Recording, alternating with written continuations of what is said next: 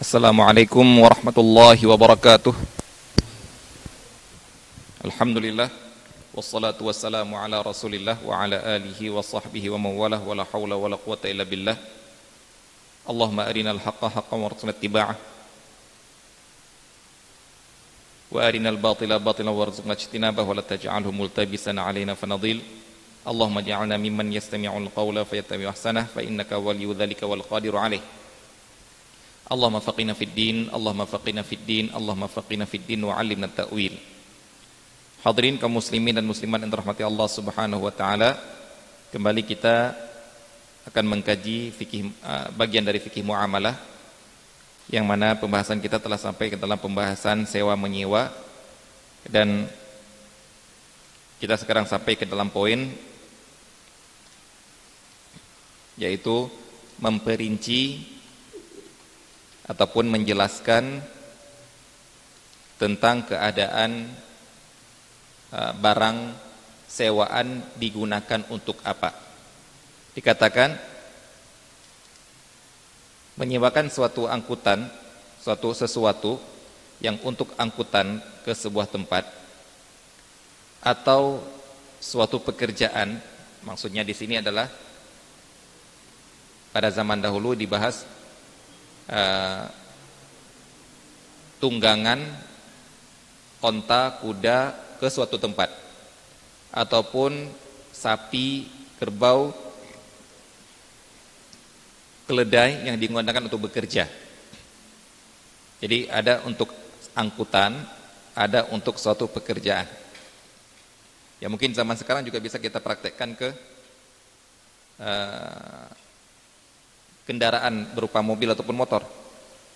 Bisa kita lihat jaraknya ke satu tempat atau pekerjaannya mengangkut berapa. Maka disyaratkan untuk memperinci hal-hal yang bisa menimbulkan perbedaan. Apa itu? Beliau katakan jarak. Dan tempat kita biasanya melihat kilometer. Nah, kalau mungkin zaman dulu sapi ataupun kuda nggak mungkin terserah kilometernya berapa. Kalau sekarang terserah kilometernya berapa, nanti bayarnya berapa. Kalau zaman dulu nggak bisa. Ini mau ke mana dulu? Oh ke sana. Maaf kuda saya nggak akan sanggup ke sana. Berat angkutannya, jenis pekerjaannya, sampai dikatakan dapat dicontohkan oleh para ulama menyewakan sapi untuk bajak maka kita persyaratkan juga ataupun kita tanyakan tolong diperinci tanahnya modelnya gimana? Jangan-jangan tanah yang model dibajak itu tanah yang enggak yang enggak sanggup ataupun tidak kuat untuk dibajak oleh sapi saya. Oh saya kalau sapi kalau tanah seperti itu enggak mau. Itu menyiksa hewan saya bayarnya cuma segitu. Lihat sawah yang mana? Oh sawah yang ini ini sawah yang biasa seperti yang lain silahkan. Bahkan ke jenis pekerjaannya pun untuk diperinci Agar apa di sini? Menghilangkan gharar. Semuanya kebanyakan untuk perincian-perincian pada sebuah benda, pada sebuah objek jual beli atau sewa menyewa tujuannya biar tidak gharar, biar tidak ada yang dirugikan karena ada ketidakjelasan di benda yang diperinci. Yang berikutnya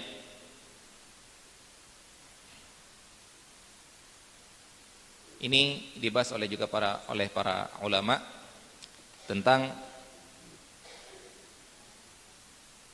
amalan-amalan yang boleh amalan-amalan ibadah mana saja yang boleh untuk diambil upah. Kalau yang tadi kita bicara yang kemarin kita bicarakan semuanya itu adalah muamalah. Benar-benar murni muamalah. Antarkan saya ke sana, belikan saya ini, tolong jagakan rumah saya, tolong ini ini, semuanya itu adalah muamalah. Sekarang amalan ibadah.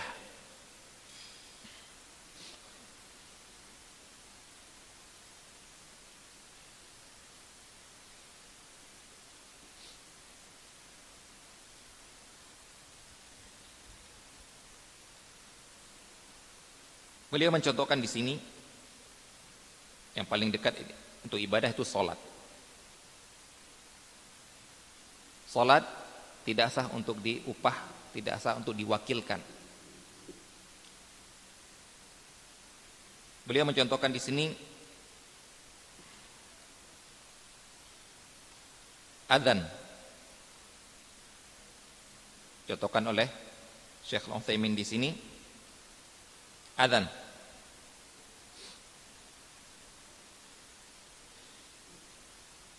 Karena dalam adzan ini memang ada dalil yang melarang untuk mengangkat seorang muadzin kemudian diupahi adzannya itu. Nah, dan di sini tolong dibedakan antara upah adzan dengan tugas dia untuk mengurus masjid itu beda. Ataupun memang petugas adzan di masjid namun gajinya dari Baitul Mal itu tidak mengapa. Karena itu tidak dinamakan upah adzan. Kamu diangkat menjadi muadzin. Bukan setiap kamu adzan sekian dapat sekian. Jadi akadnya adalah akad kayak jual beli. Adzan saya kasih, enggak adzan enggak saya kasih. Tapi kalau tapi kalau memang dia diangkat jadi imam tetap. Diangkat jadi muadzin. Kemudian dapat gaji ataupun tunjangan dari baitul mal atau dari yayasan. Tidak mengapa. Yang tidak adalah bikin akad. Yang adzan di masjid ini setiap adzan sekian. Sehingga nanti setiap bulan dia enggak kamu berapa kali adzan kemarin sekian ini gaji kamu uh, lima kali bolos ya, ya berarti nggak nggak digaji ini yang nggak boleh. Ya. Ini kada ada larangan dari Rasulullah Sallallahu Alaihi Wasallam untuk mengangkat uh, muadzin, kemudian dibikin akad dengan dia akad upah. Kemudian di sini beliau mencontohkan yang lain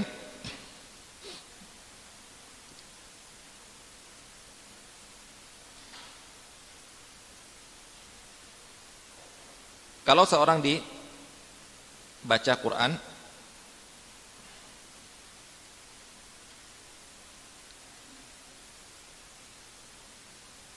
pahalanya untuk jenazah.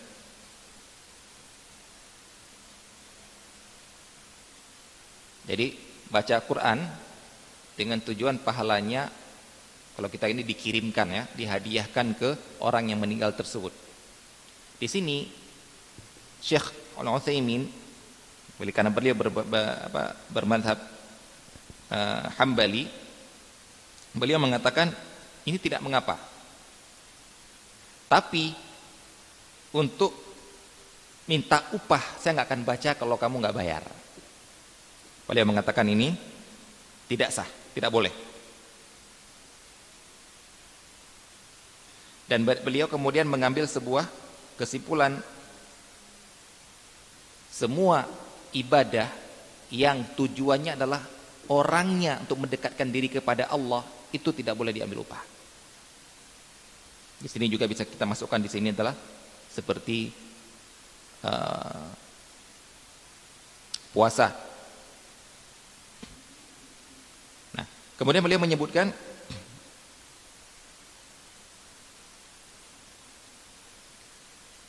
Adapun haji maaf dulu sini tidak boleh ambil upah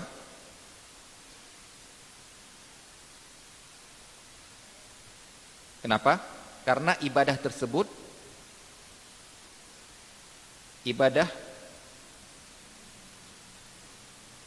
khusus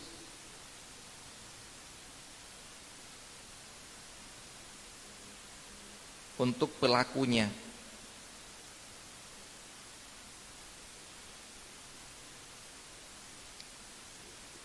Khusus dia yang mendekatkan diri kepada Allah Subhanahu wa taala. Beda halnya dengan haji.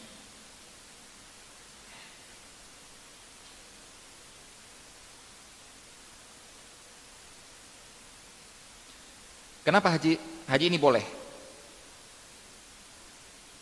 Kenapa haji boleh? Karena haji itu ada amalan amalan badan di dalamnya dan amalan harta di dalamnya. Seseorang yang punya badan kuat tapi nggak punya harta nggak akan bisa haji. Maksudnya nggak akan bisa berangkat ke Mekah. Nah, dia menghajikan orang lain. Menghajikan orang lain boleh. Dengan syarat dia sendiri sudah pernah haji. Mengumrahkan orang lain yang nggak bisa umroh yang dinamakan ma'dub. Itu orang-orang yang punya harta tapi sudah tidak sanggup duduk di kendaraan untuk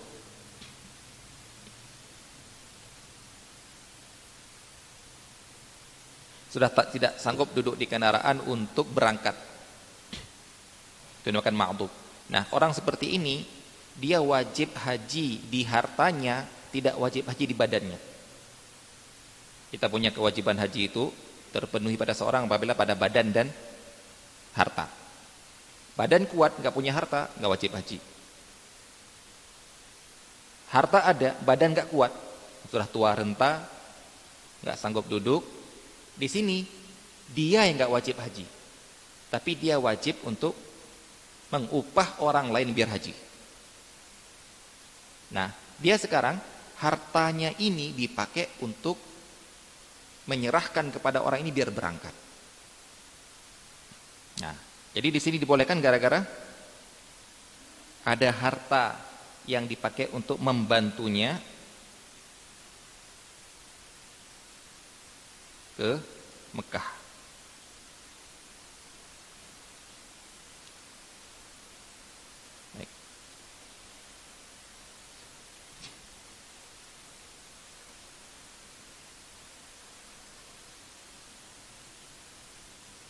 Contoh yang lain yang beliau mencontohkan adalah mengajarkan ilmu.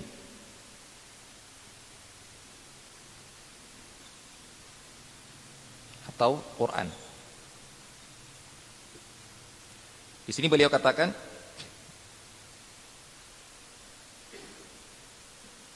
Adapun suatu ibadah yang bisa mendekatkan diri kepada Allah dan di dalamnya juga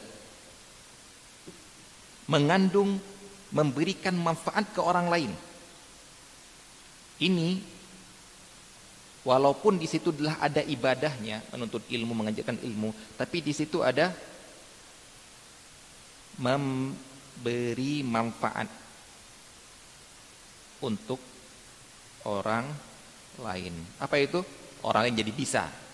Dari nggak bisa menjadi bisa, dari nggak bisa baca Al-Quran menjadi bisa, dari nggak tahu cara sholat menjadi bisa, dari nggak tahu cara cara waris menjadi bisa.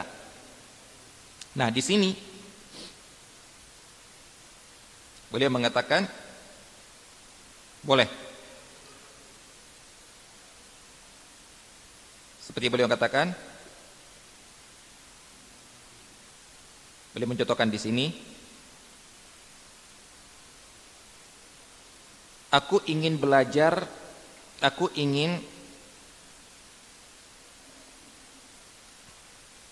Beliau mencontohkan ada orang bilang Aku ingin belajar syarat-syarat tentang Syarat-syarat dan rukun-rukun sholat Dia bilang baik Saya mau ngajar dengan syarat saya dikasih uang segini Perhatikan nenek ini saya bacakan Nas perkataan Syekh Utsaimin ya. Ini lagi agak ramai juga permasalahan ini ya. Permasalahan Ustadz pasang tarif ya. Beliau mengatakan Insanun qala li akhar, ada seorang mengatakan kepada orang lain, "Uridu an tu'allimani baba syurutis shalah." Aku ingin engkau ajarkan aku bab fikih tentang syarat-syarat sah salat. Faqala dijawab, dijawab oleh dia, "Laisa indi mani'." Tidak apa-apa, saya mau mengajarkan lakin bisyartin antu atiyani ujrah. Tapi dengan syarat kamu ngasih saya upah. Berarti di sini ada apa? Ada pasang tarif.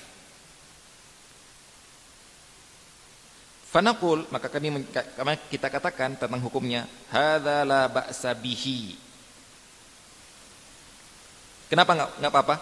Li'anna al-'iwadha huna laisa 'anit ta'abbud bil 'amali walakin 'an intifa'il ghairi bihi. Karena yang sedang dipasang tarif di sini bukan dalam ibadah dia kepada Allah. Saya bukan sedang memasang tarif kepada kamu, memasang upah kepada kamu tentang niat saya saya sedang beribadah kepada Allah, bukan.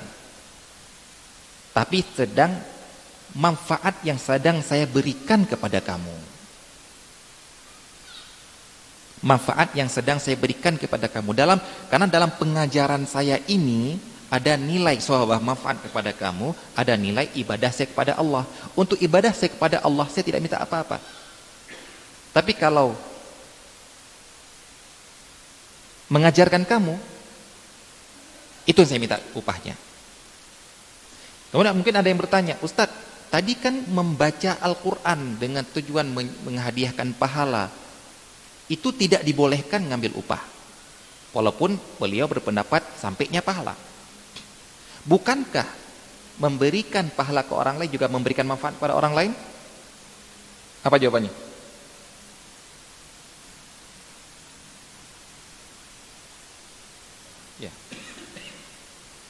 saya lagi ngajar anak lagi ngajar anak lagi ngajar apa bedanya manfaat ini ini saya ngajar sama ini saya bacakan Al-Quran ini saya ini saya ini saya ngajarkan Al-Quran boleh boleh misalkan berikutnya boleh menjelaskan selanjutnya kalau ada orang meminta untuk diajarkan surat Baqarah kemudian dijawab Baik, saya mau ajarkan surat Baqarah, tapi bayar sekian ya. Pasang tarif. Maka seperti ini boleh mengatakan, boleh. Kenapa? Karena li'anna hadza litta'lim la litilawah. Karena yang sedang dibiayai adalah diminta upah adalah untuk ngajari bukan bacaan saya. Bukan antara ibadah saya dengan Allah tapi sedang manfaat kepada kamu. Baik. Tadi mengajarkan surat Al-Baqarah mengajarkan sebuah surat boleh minta upah, tapi membacakan dengan tujuan menghadiahkan pahala nggak boleh ngambil upah. Apa bedanya kira-kira? Karena yang ini manfaat yang kamu dapat jelas, bisa kelihatan. Kalau ini adalah pahala. Pahala itu murni ibadah. Jadi saya sedang meminta upah pada kamu atas pahala yang saya lakukan untuk dia. Ini ibadah yang sedang saya jual ini ibadah. Tapi kalau saya sedang menjual adalah jasa saya mengajarkan kamu. Ini tidak mengapa. Bedakan ya. Antara ini adalah ibadah pahala, kalau ini adalah uh, mengajarkan yang di situ ada satu manfaat. Maka beliau mengatakan ini tidak mengapa. Jadi tolonglah kalau memang seseorang memilih suatu amalan yang afdol tolong orang lain yang sedang mengamalkan amalan yang boleh jangan dicelah. Itu kaidah. Ini kaidah ya, akhwat. Ya. Sebuah kaidah ini tolong diambil. Karena khawatirnya akan masuk ke dalam bab ujub. Ke dalam ke dalam kasus ujub. Merasa diri lebih afdol daripada orang lain. Ini sudah bahaya. Oke, saya memilih awalan lebih afdol. Saya memilih 10 akhir bulan Ramadan i'tikaf. Teman saya lebih memilih untuk berdagang.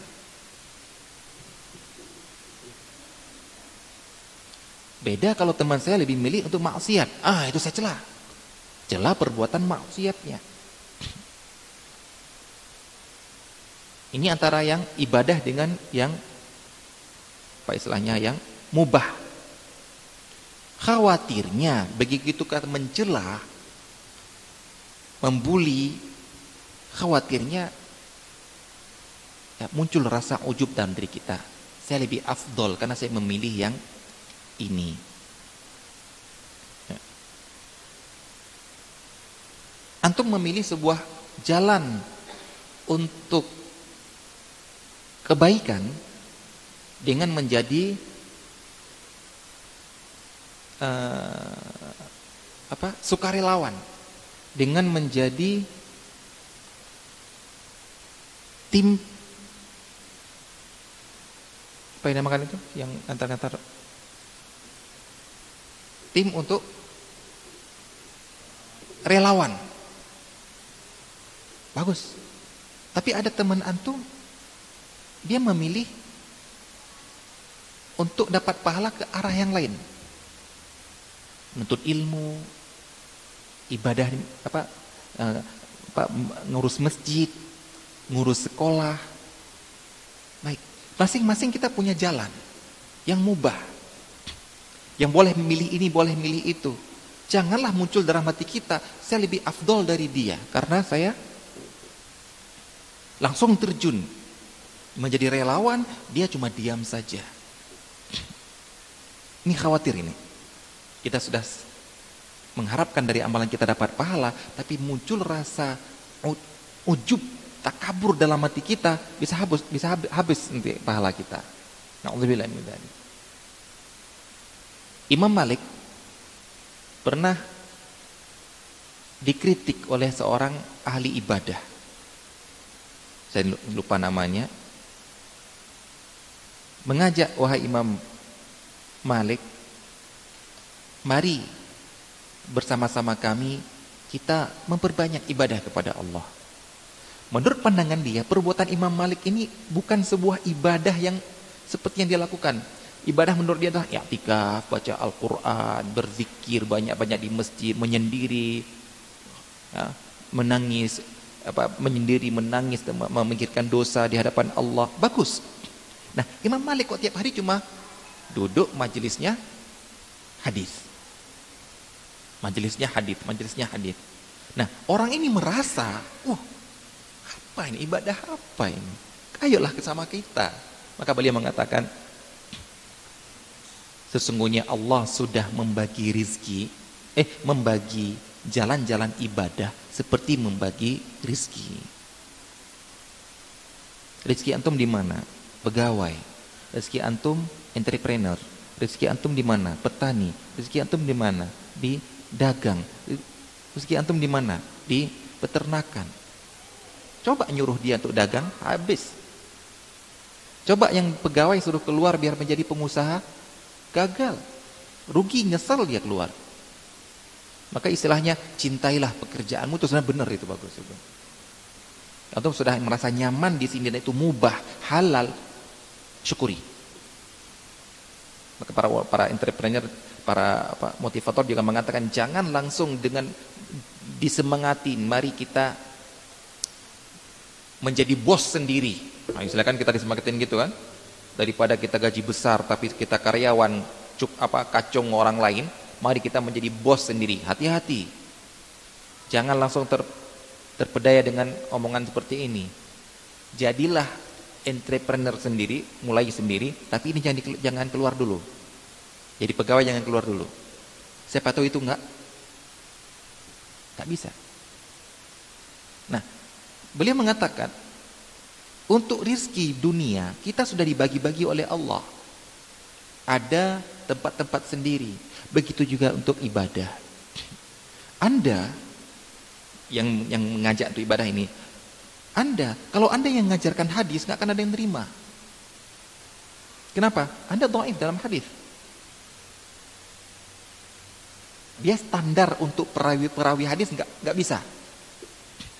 Maka Allah memberikan kemampuan Anda dalam ibadah dalam hal itu. Salat, puasa, i'tikaf, eh, baca Quran di masjid, merenung dosa di masjid. Itu Allah membukakan Anda untuk ibadah lewat situ. Dan Allah membukakan ibadah saya dalam hal ini. Karena kalau saya tinggalkan ini, saya akan seperti Anda. Siapa yang mengajarkan orang? Nah ini maka itu harus senang ada ustadz yang mau mengajar. Karena seandainya mereka ingin memikirkan diri sendiri toh, ah yang penting saya ingin dekat dengan Allah, ada cara lain kok, ibadah toh. Siapa yang ngajarkan kita? Yang mereka datang, saya bisa saja misalnya, ah saya nggak mau nggak mau ngajar kecuali seminggu sekali. Ah saya nggak mau ngajar kecuali sebulan sekali. Yang lain, elit mau tahajud, mau etika, mau puasa Daud, mau ini, mau itu. Nah, Imam Malik melihat keadaan ini, itu biarlah orang Allah membukakan untuk saya ibadah saya bukan di sini. Ibadah di sini, ngajar ini. Ini saya fokus ke sini. Walaupun dipandang orang lain kayak gimana sih ibadah ini. Nah, hati-hati. Hati-hati dari munculnya rasa ujub. Baik antum tidak pasang tarif, alhamdulillah. Afdol. Bagus. Tapi salahkah orang pasang tarif? Pertanyaannya. Kalau salah, selesai, kita katakan salah. Tapi kalau boleh, maka kenapa kita kita harus membuli? Kenapa kita harus mencela?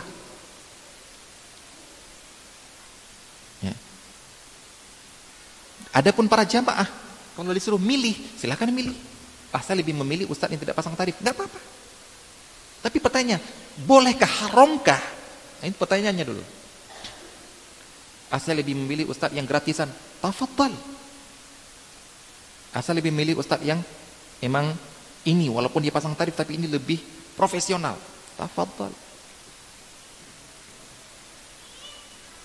Dan marilah kita lihat ada ustadz-ustadz kita yang punya sekolah, pembina sekolah, dan sekolahnya mahal-mahal.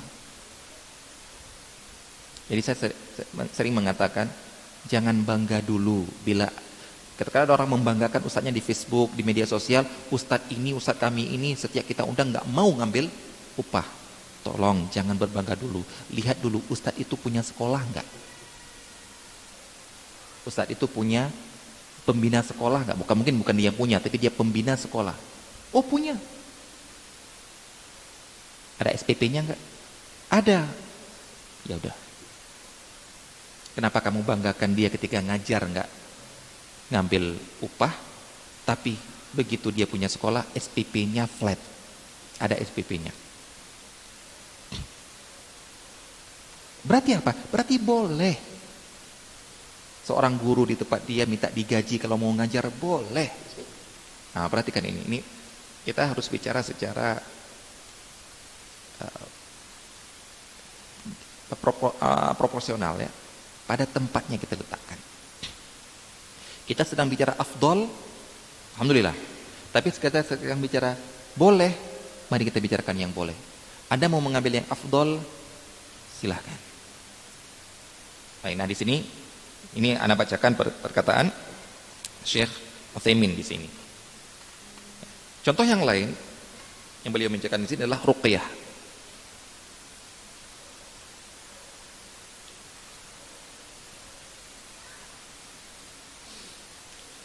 Bolehkah ruqyah minta upah?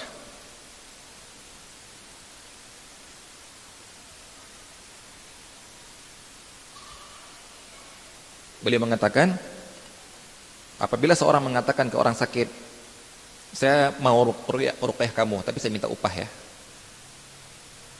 Mau ruqyah kamu, tapi saya minta upah. Boleh? Boleh. Beliau mengatakan, fahadha yajuz. Dan pernah dilakukan oleh para sahabat ketika mereka meruqyah seorang pemimpin di sebuah tempat kabilah yang digigit binatang berbisa. Allah alam apakah jengking atau binatang berbisa yang lain. Kemudian diruqyah dengan baca Al-Fatihah sembuh. Nah, sebelumnya mereka mensyaratkan kami sayang ruqyah tapi kita syaratkan dikasih uh, apa, kambing. Ini dibolehkan. Jadi kalau ada tukang ruqyah minta upah boleh atau tidak? Boleh. Tapi kalau dia tidak minta upah afdol. Jadi mari kita lihat perbandingan antara afdol sama boleh.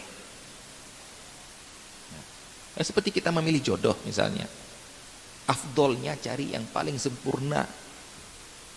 Tapi bolehkah yang seperti ini yang baru ngaji, baru hijrah, belum bisa hafal Quran, belum bisa ini, belum bisa itu. Secara fikih boleh. Secara anjuran untuk yang afdol, ya saya anjurkan yang sana. Kamu milih ini, saya tidak boleh mencelanya. Ya, ini diperhatikan tentang ya nggak usah diperbanyak perdebatan, mari kita kembalikan kepada fikihnya, hukumnya.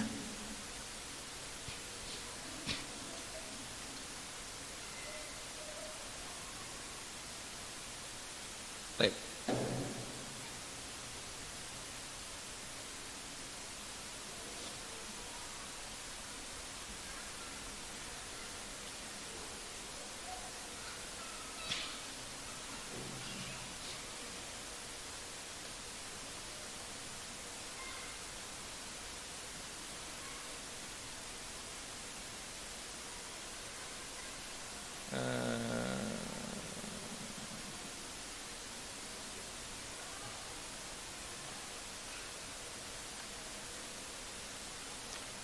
Saya lihat di sini dulu, Syekh.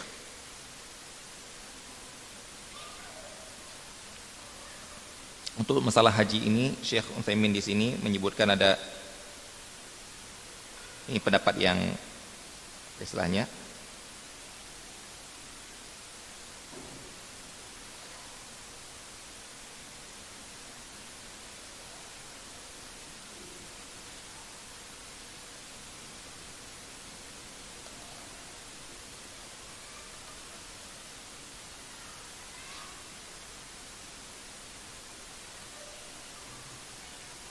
Beliau mengatakan di sini untuk haji bolehkah haji itu diambil upah, dijadikan akad untuk ambil upah? Madhab, menurut madhab tidak dibolehkan. La yujawizuna hadha wa yaquluna al-ijrah 'ala al-haji haram. Mengambil upah untuk haji itu haram. Nah, apa dimaksudkan di sini untuk mengambil upah untuk haji? Yang kita bicarakan di sini adalah bolehnya itu saya mau menghajikan kamu tapi tolong biaya saya ke sana. Biaya saya ke sana kamu yang kamu yang gantikan kamu yang belikan. Jadi ini di, dinamakan ambil uang agar bisa haji. Yang tidak dibolehkan itu adalah haji biar bisa ngambil uang. Bisa dibedakan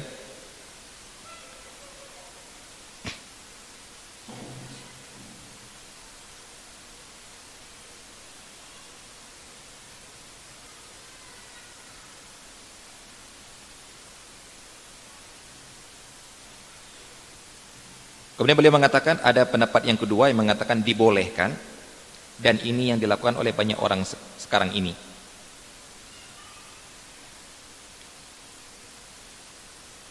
Pendapat yang ketiga yang beliau sebutkan di sini adalah dibolehkan ambil kalau memang dia membutuhkannya.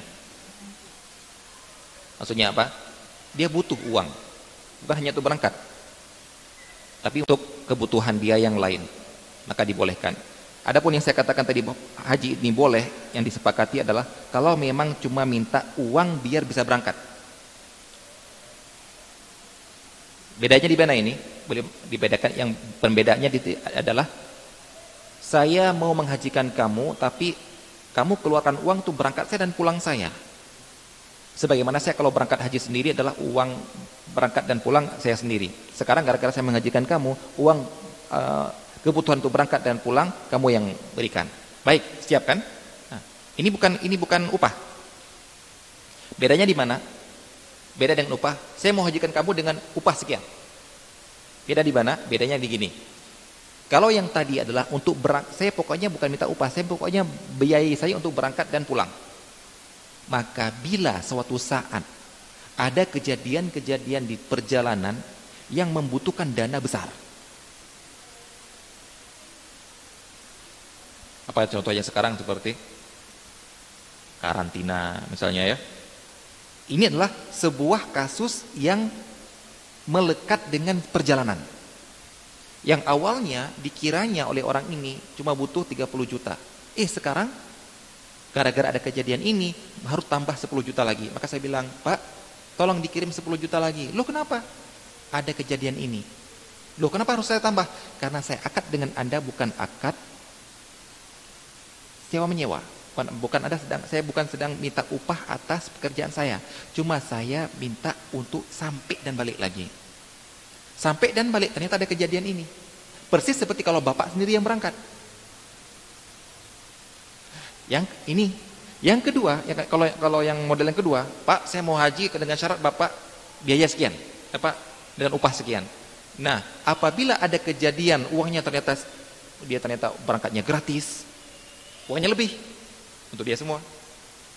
Ternyata ada kasus-kasus harus karantina, uangnya jadi kurang. Akadnya 30 juta ternyata dia butuh ternyata 40 juta. Gak boleh, Pak kirim lagi Pak ya. Gak boleh. Saya upahi kamu segitu kok. Saya akad dengan kamu segitu. Seperti apa yang saya kontraktor ya. Saya akad dengan kamu bangun rumah segitu. Oh ternyata Pak barang-barang naik Pak. Terserah kamu. Seperti salam yang sudah kita lewati. Saya pokoknya beli beli gandum untuk tahun depan sekian. Hampir tahun depan orang bilang, "Pak, tolong Pak, apa barangnya ternyata naik, Pak." Saya nggak mau tahu. Akad kita telah segitu. Bedanya gitu. Kalau mau upah uangnya lebih untuk kamu, uangnya kurang tanggung sendiri. Kalau untuk menghajikan untuk keberangkatan minta uang biar untuk berangkatnya maka uang lebih kembalikan. Uang kurang tolong kirimkan lagi. Ya. jadi di sini Allah taala tidak disebutkan oleh Syekh Utsaimin uh, untuk yang benar-benar upah.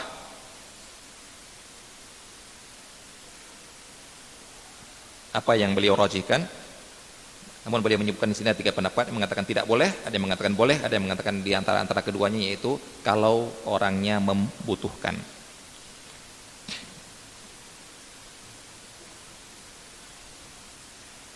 Di sebagian tempat ataupun di Aceh saya katakan zaman dulu saya nggak pernah melihat adanya model seperti itu. Kok sekarang muncul Allah a'lam. Yaitu apabila ada orang meninggal, langsung ada orang datang ke situ. Tawar menawar tentang baca Quran di kuburan. Kami punya tim baca Quran di kuburan. Tawar menawar harganya berapa? Sekian, sekian, sekian. Udah, mereka tujuh hari di kuburan. Benar-benar bikin kemah di situ.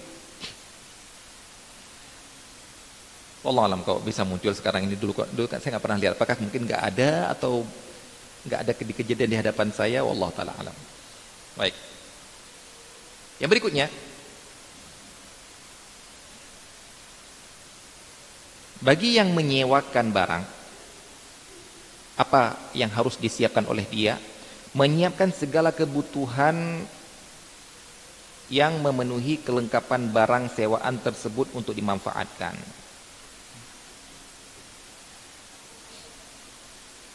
Kita misalkan kalau zaman dulu yang misalkan oleh berarti tunggangan ya tunggangan. Saya mau menyewa kuda mau menyewa onta untuk berangkat haji. Baik. Apa sih yang harus disiapkan di sebuah onta biar siap untuk berangkat haji. Maka siapkan itu semua. Di sini boleh menjelaskan seperti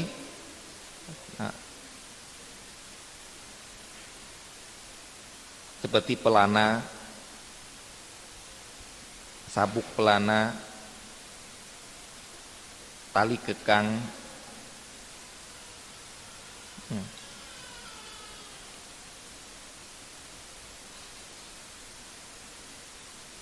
baik. Sekarang untuk rumah.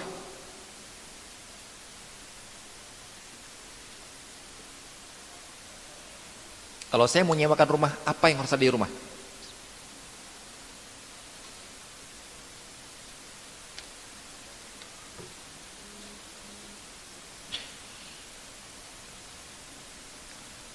Ini beliau yang boleh sebutkan sini adalah seperti kunci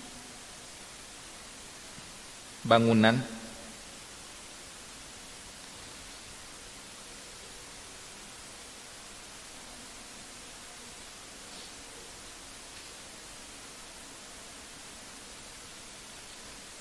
dan wallah taala alam saya lebih cenderung ini adalah kembali kepada adat Apa maksudnya adat? Kalau anak nggak tahu di Lumajang bagaimana, di Jember bagaimana, di tempat lain bagaimana, di Saudi bagaimana, menyewa rumah. Apakah sudah ada bohlamnya? Apakah bohlam itu tanggung jawab penyewa atau yang punya rumah? Silahkan. Kalau memang yang tanggung jawab adalah Kalau memang penanggung jawabnya adalah yang penyewa, yang menyewa, maka dia pasang kalau dia mau pindah ambil. Kalau pecah dia ganti sendiri. Eh kalau pecah, kalau putus dia ganti sendiri. Tapi kalau memang ini adalah tanggung jawabnya punya rumah, kalau putus, Pak, putus. Karena saya sebagai penyewa rumah harus disiapkan rumah ini lampu. Oke, kalau di Saudi itu AC harus itu harus ada. Kalau enggak enggak, ada yang mau nyewa rumah. Kalau kita nggak wajib AC. Nah, apa itu? Kita kembali kepada orf. Kalau ini ada tugas tanggung jawabnya, kalau kalau putus, ya saya minta ganti. Tapi kalau ini punya saya, saya ganti. Kalau saya pergi, saya ambil. Ini punya saya kok. Jadi bedakan ya. Dan saya lebih cenderung berdewakan pada adat. Uh, genteng itu pasti bukan punya itu, itu sudah disepakati lah insya Allah genteng bocor itu pasti yang punya rumah karena dia harus menyiapkan tempat untuk layak tinggal di antara layak tinggal adalah tidak keban tidak kehujanan berarti kalau gentengnya rusak pertanyakan dulu kewajiban untuk menyiapkan genteng bagus punya siapa yang punya rumah. Berarti kalau rusak, tolong yang punya rumah mereka. Kalau enggak saya enggak akan nyewa lagi. Dan itu dikembalikan kepada adat ya. Allah alam lebih cenderung seperti ini. Baik. Kemudian di antara yang tentang bagaimana tentang sampai dibahas seperti ini uh,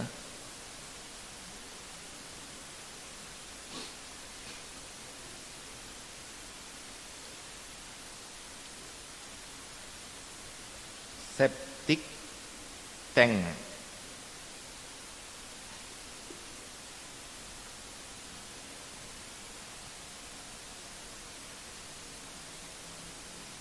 Ini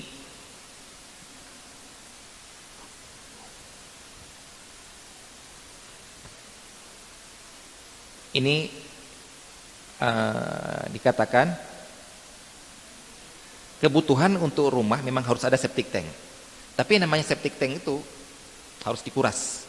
Wallah mungkin sekarang udah sistem drainase hebat tanpa dikuras pun masya Allah ya. Mungkin ada septic tank yang harus dikuras rutin. Maka di sini dikatakan lihat ketika ketika uh, sewa septic tank itu penuh atau penuh atau penuh atau atau kosong?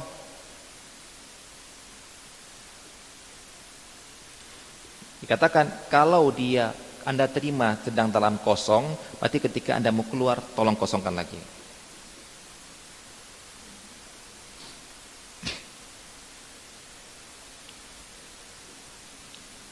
Kalau Anda terima dia penuh, berarti Ya ketika kemudian nanti penuh ada kuras, maka ketika Anda tinggalkan ya biarkan penuh, biar dikulas oleh yang punya atau oleh setelahnya. Ini disebutkan sampai Masya Allah sampai sedetil-detil seperti ini.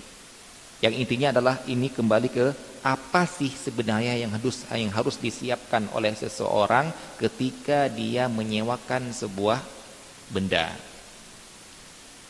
Mobil misalnya, saya mau mobil gini apa sih menurut adat kita kalau memang adatnya adalah bensin tidak termasuk ya sudah kosong berarti saya isi bensin begitu saya kembalikan saya kuras lagi bensinnya pak Adapun mau dikasih lagi terserah. Masalah dikasih masalah orang ridho dikasih itu sudah terserah. Kita berbicara kepada hak. Pak ini bensin saya ambil ya. Oh kenapa diambil ini? Loh, saya tadi makan kosong pak. Saya kan nyewa mobil. Ya, jangan salahkan saya. Baik. Yang berikutnya, akad persewaan adalah akad lazim, bukan jaiz. Apa itu lazim? Tidak boleh dibatalkan.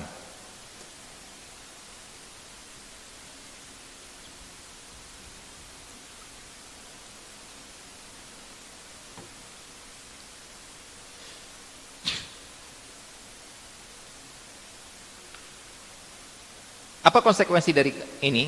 Bila pemilik yang membatalkan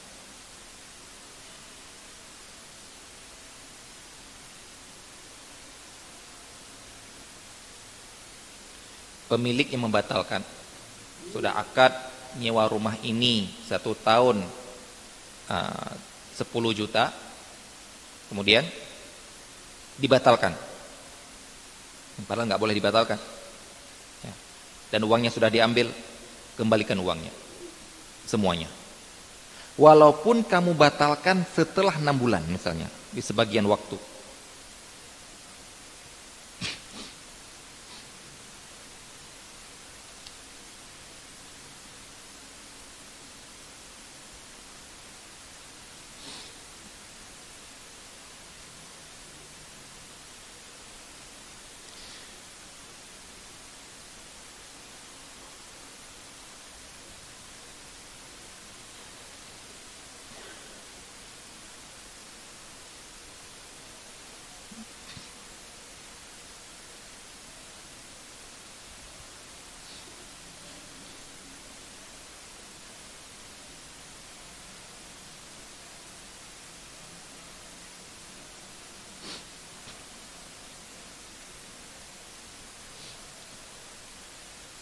Sini dikatakan, kita baca dulu.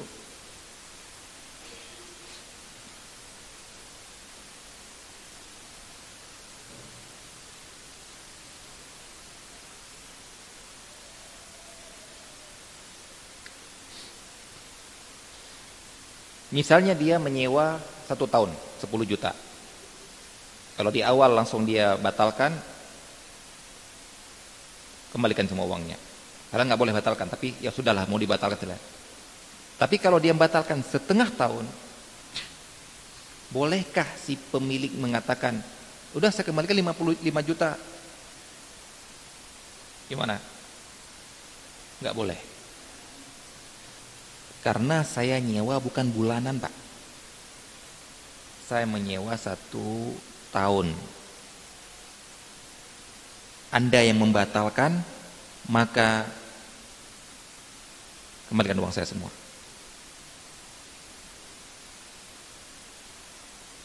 Karena yang salah siapa? Yang punya rumah itu. Akadnya sudah lazim, Pak. Saya akadnya adalah tolong antarkan saya dari sini ke kota. Di tengah perjalanan dia bilang, "Pak, sampai sini aja, Pak ya." Biasanya apa yang lin-lin itu yang karena dia melihat, "Uh, ada penumpang yang mau ke sana. Saya kalau nanti terlambat saya belok diambil oleh orang lain. Ini tinggal satu orang lagi yang penumpang saya. Pak turun di sini Pak ya. Turun aja udah. Mana uangnya Pak? Uang apa Pak? Oh, Pak sudah sampai sini. Loh, akad saya kan ke sana Pak. Kenapa Pak? Saya, Bapak kenapa Bapak suruh saya turun di sini? Itu salah Bapak. Pak akad kita sampai ke sana loh Pak. Saya belum pernah belum sampai saya belum sampai ke akad yang kita sepakati. Salah Bapak. Ini diperhatikan seperti ini. Kapan ada berhak dapat upah, kapan ada tidak berhak dapat upah.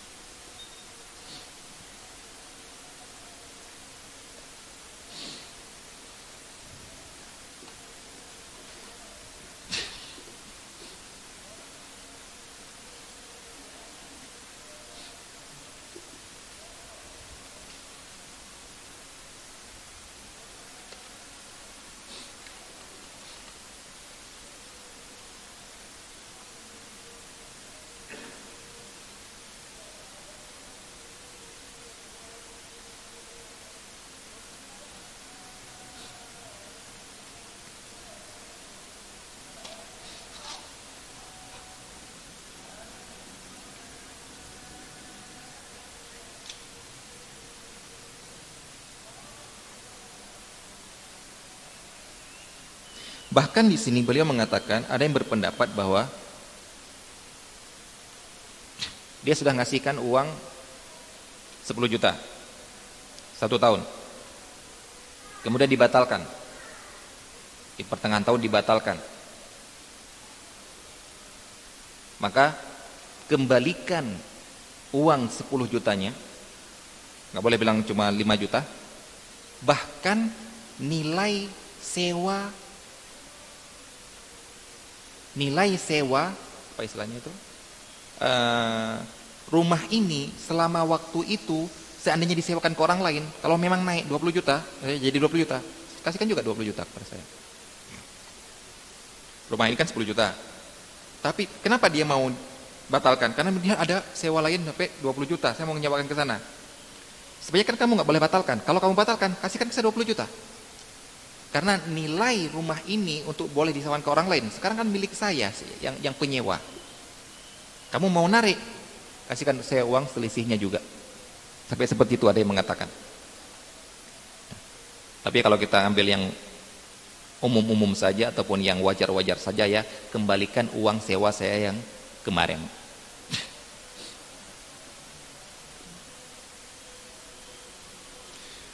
Nah, di sini beliau mengatakan kalau sebagian misalnya satu tahun, kita misalkan ya, satu tahun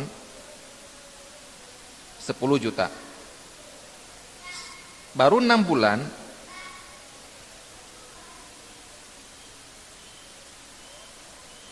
baru enam bulan disuruh keluar.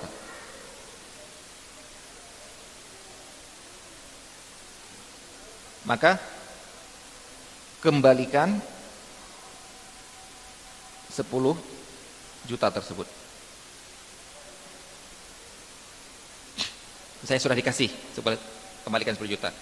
Atau belum dikasih, saya nggak kasih apa-apa. Nah, ada ada dipertanyakan di sini.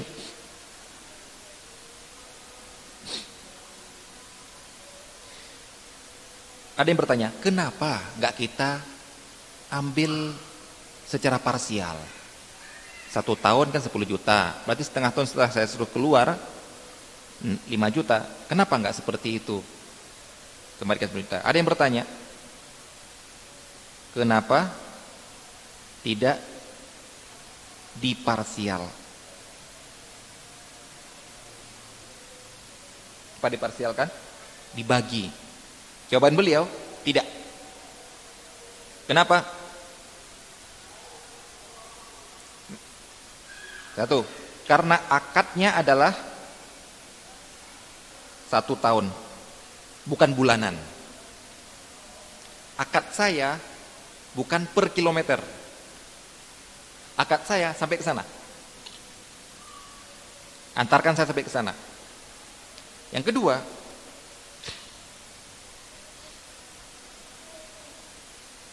karena si penyewa zolim.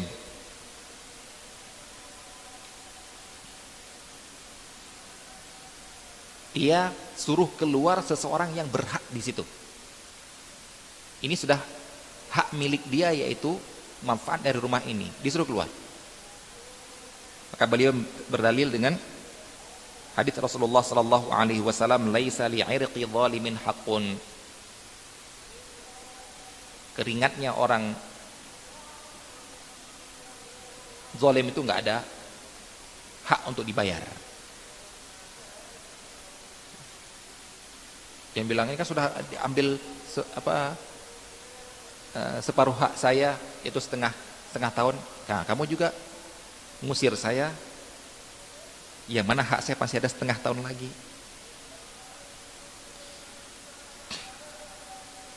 Yang ketiga, kita katakan karena ini salah si penyewa. Beliau mengatakan, kan sebenarnya urusan itu kan bisa kamu pilih sendiri. Kamu pilih setengah tahun tanpa ada bayaran apa pun atau sampai akhir tahun sesuai dengan akad kamu baru saya dibayar di, di, diberikan uang sewa. Nah, ternyata kamu milih yang ini, milih membatalkan. Nggak terserah kamu. Terus kesalahan kamu.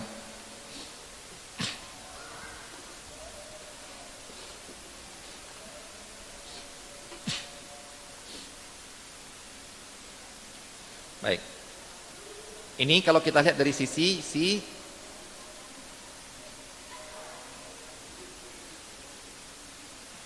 pemilik. Oh, saya tadi memisalkan dengan penyewa ya. Pemilik ya.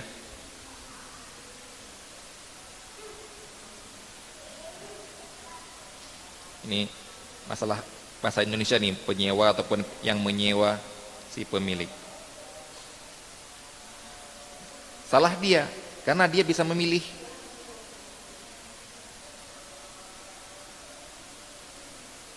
Memilih apa? Antara selesaikan akad atau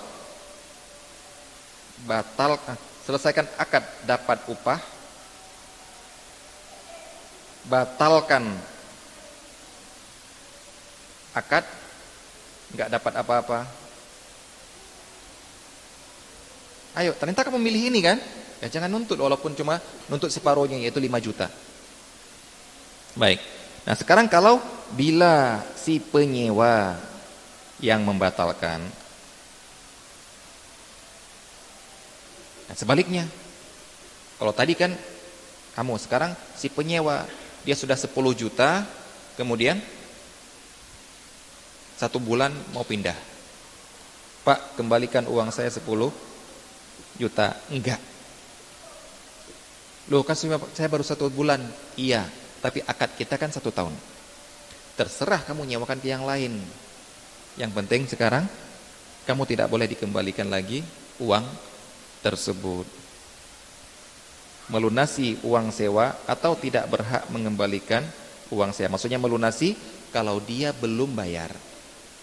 Pak saya sewa satu tahun bayar akad satu tahun 10 juta. Tapi bayarnya kapan? Nanti akhir tahun atau per bulan. Tapi akadnya apa? Satu tahun. Maka kamu tetap wajib bayar 10 juta. Atau sudah apa? Sudah bayar di, di muka. Satu bulan dia dia, dia pindah, ataupun dia dia batalkan, maka dia tidak berhak untuk minta pengembalian. Ini kata-kata wajib melunasi atau tidak berhak pengembalian itu tergantung dia sudah ngasih uang atau belum.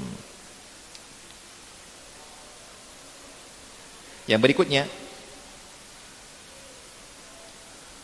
kapan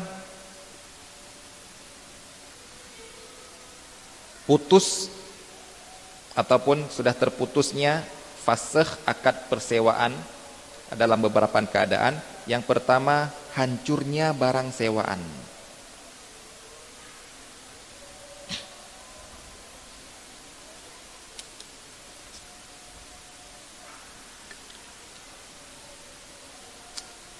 Baik. Nah, fasih ini konsekuensi adalah kembalikan uangnya. Apa itu? Contohnya adalah kalau nyewa rumah kemudian satu bulan kena gempa, satu bulan kemudian kena banjir sampai barangnya hancur.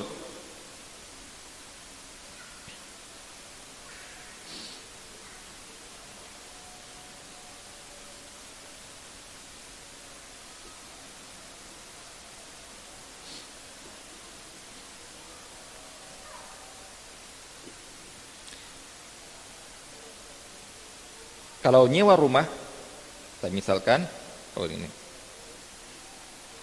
contohnya adalah rumah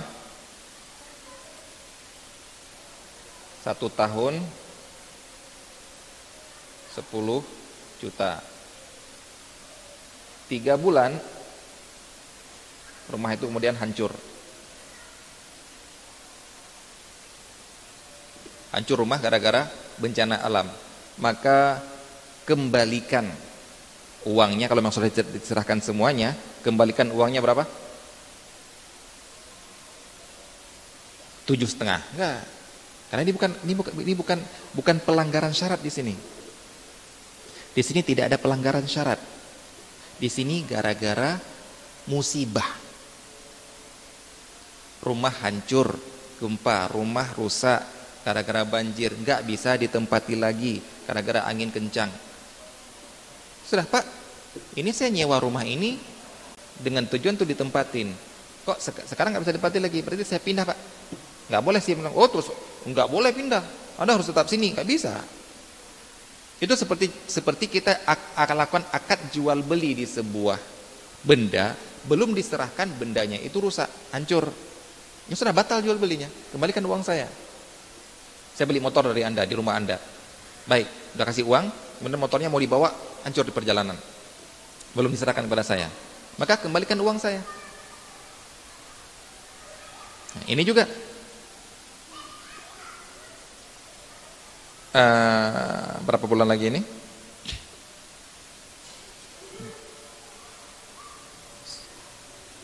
Sembilan bulan lagi, ya, sembilan bulan lagi ini, gak apa, gak bisa dimanfaatkan lagi.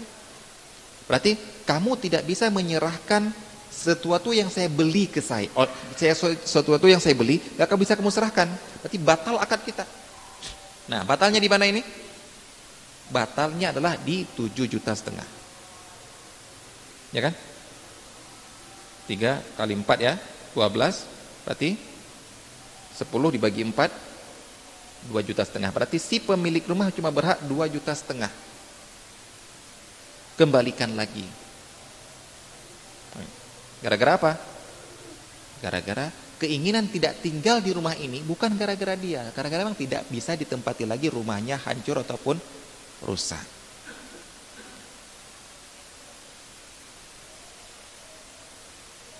Kecuali, beliau mengatakan, kecuali kalau akadnya adalah untuk diantar sampai tujuan. Ini, terkadang ada orang melakukan akad bukan di kendaraan. Kalau di kendaraan, Pak saya nyewa kendaraan, kendaraan mogok, kembalikan sudah. Saya nyewa kendaraan yang bisa digunakan Pak, dan ini mogok, dan mogok bukan gara-gara kesalahan saya. Memang mogok pada aslinya maka itu Pak batal akad kita pada kendaraan ini Pak. Beda kalau Pak saya nyewa saya apa istilahnya Pak saya bayar travel untuk sampai ke bandara Juanda. Saya bukan nyewa kendaraan perhatikan nah kalau mogok kendaraan dia dia wajib cari orang untuk mengantarkan saya ke sana. Karena akadnya apa? Akadnya bukan di kendaraan. Akadnya untuk bawa saya ke sana. Saya nggak peduli mau kendaraan ini kendaraan itu kendaraan itu. Saya karena saya bukan akadnya di kendaraan. Atau mati orang yang diangkut. Ya sudah kalau saya mati di perjalanan ya batal sudah. Baik kecuali kalau diwariskan. Ini sampai beliau katakan ini kok bisa diwariskan? Wallahu alam. Bisa diwariskan kalau saya mati tolong yang diantarkan adalah ahli waris saya ke sana. Karena akad akad apa istilahnya? Akad sewa menyewa itu bisa diwariskan. Sebagaimana akad jual beli bisa diwariskan asal jual beli bisa dijualkan kembali akad sewa menyewa bisa disewakan kembali nanti akad sewa menyewa bisa diwariskan. Saya mati ya, saya meninggal saya menyewa rumah ini saya meninggal buat yang berhak untuk menempati rumah ini adalah ahli waris saya. Ya, tapi kalau sampai untuk ngangkut orang, wallah alam bagaimana bentuknya ini.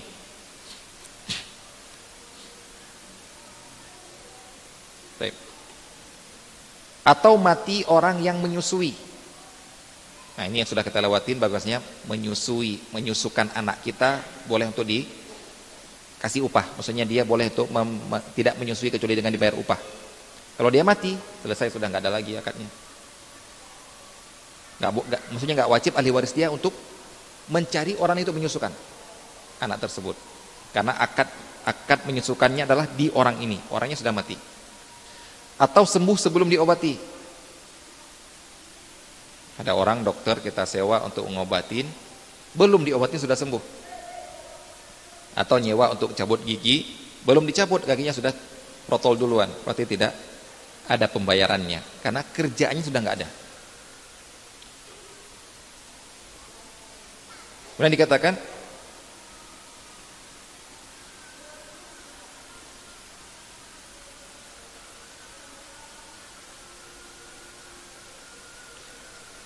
tidak putus dengan mati orang yang melakukan akadnya. Maksudnya tidak putus akadnya karena bisa diwariskan. Kalau terjadi cacat pada barang sewaan, boleh diputuskan akadnya. Kalau tadi apa hancur sama sekali, memang putus dia. Sekarang cacat. Maka boleh untuk diputuskan akadnya. Karena saya menyewa rumah ini kalau lengkap seperti ini. Sekarang cacat pak. Kalau nggak diperbaiki saya nggak jadi. Baik. Demikian dapat kita sampaikan. Insya Allah akan kita lanjutkan nih pada yang berikutnya. Tinggal sedikit lagi nanti kita masuk tema berikut yang lain. Wassalamualaikum warahmatullahi wabarakatuh.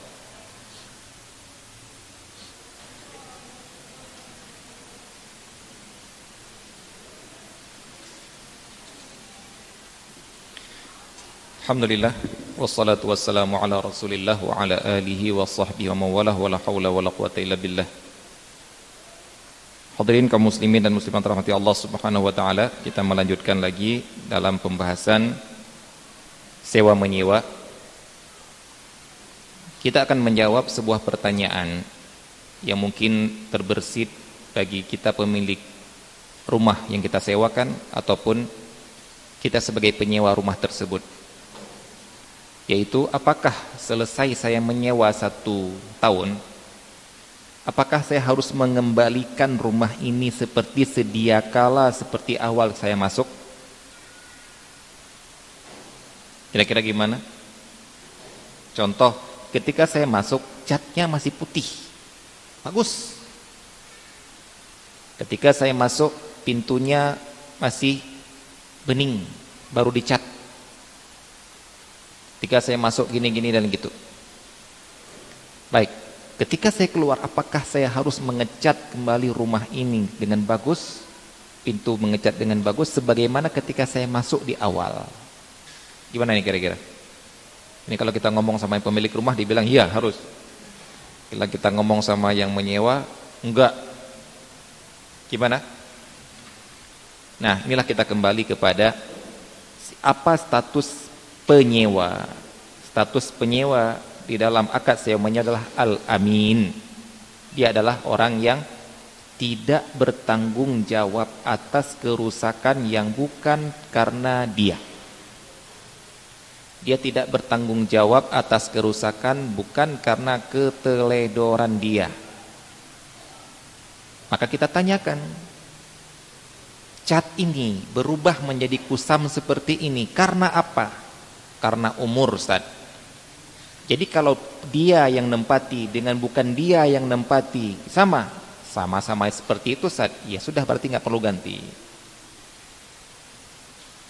Pintu ini atau gagang pintu ini kenapa dia jadi seperti ini nggak seperti nggak seperti baru lagi kenapa sekarang jadi kendor karena penggunaan penggunaan. Berarti kalaupun dia yang nempatin ataupun pemilik rumah yang nempatin akan seperti ini, iya. Umurnya satu tahun memang seperti ini dia. Maka jangan diganti. Karena terjadi seperti itu karena penggunaan. Itu ma'ruf. Berkurangnya apa itu? Penurunan aktifat tetap itu karena umur mau yang gunakan siapa dia seperti itu kran kran ini awal saya datang masih bagus. Dan sekarang sudah kendor sudah ada yang netes-netes dikti oh ini kesalahan yang pemilik yang yang yang menyewa. Berarti dia harus mengganti kalau dia keluar. Tunggu dulu. Ini berubah menjadi seperti ini karena apa? Keteledoran kah atau memang seperti ini kran itu kalau digunakan? Seperti itu memangnya. Ya sudah. Itulah namanya konsekuensi dipakai. Dari situlah Anda dapat uang. Dari dipakai inilah Anda dapat uang. Dari pemanfaatan inilah Anda dapat uang. Nah sekarang dimanfaatkan. Dan hasilnya jadi gini dengan di, di, dimanfaatkan. Berarti jangan minta dia mengganti.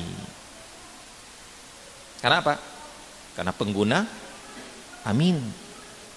Kes, yang bukan kesalahan dia jangan disuruh untuk gantikan. Nah, misalnya dia gunakan keran patah gara-gara dia teledor. Nah, nanti gunakan pintu tutup hantam, engselnya copot, ganti. Nah, di sinilah kemudian nanti yang mungkin akan terjadi pertikaian yaitu ketika harus membuktikan siapa yang merusaknya.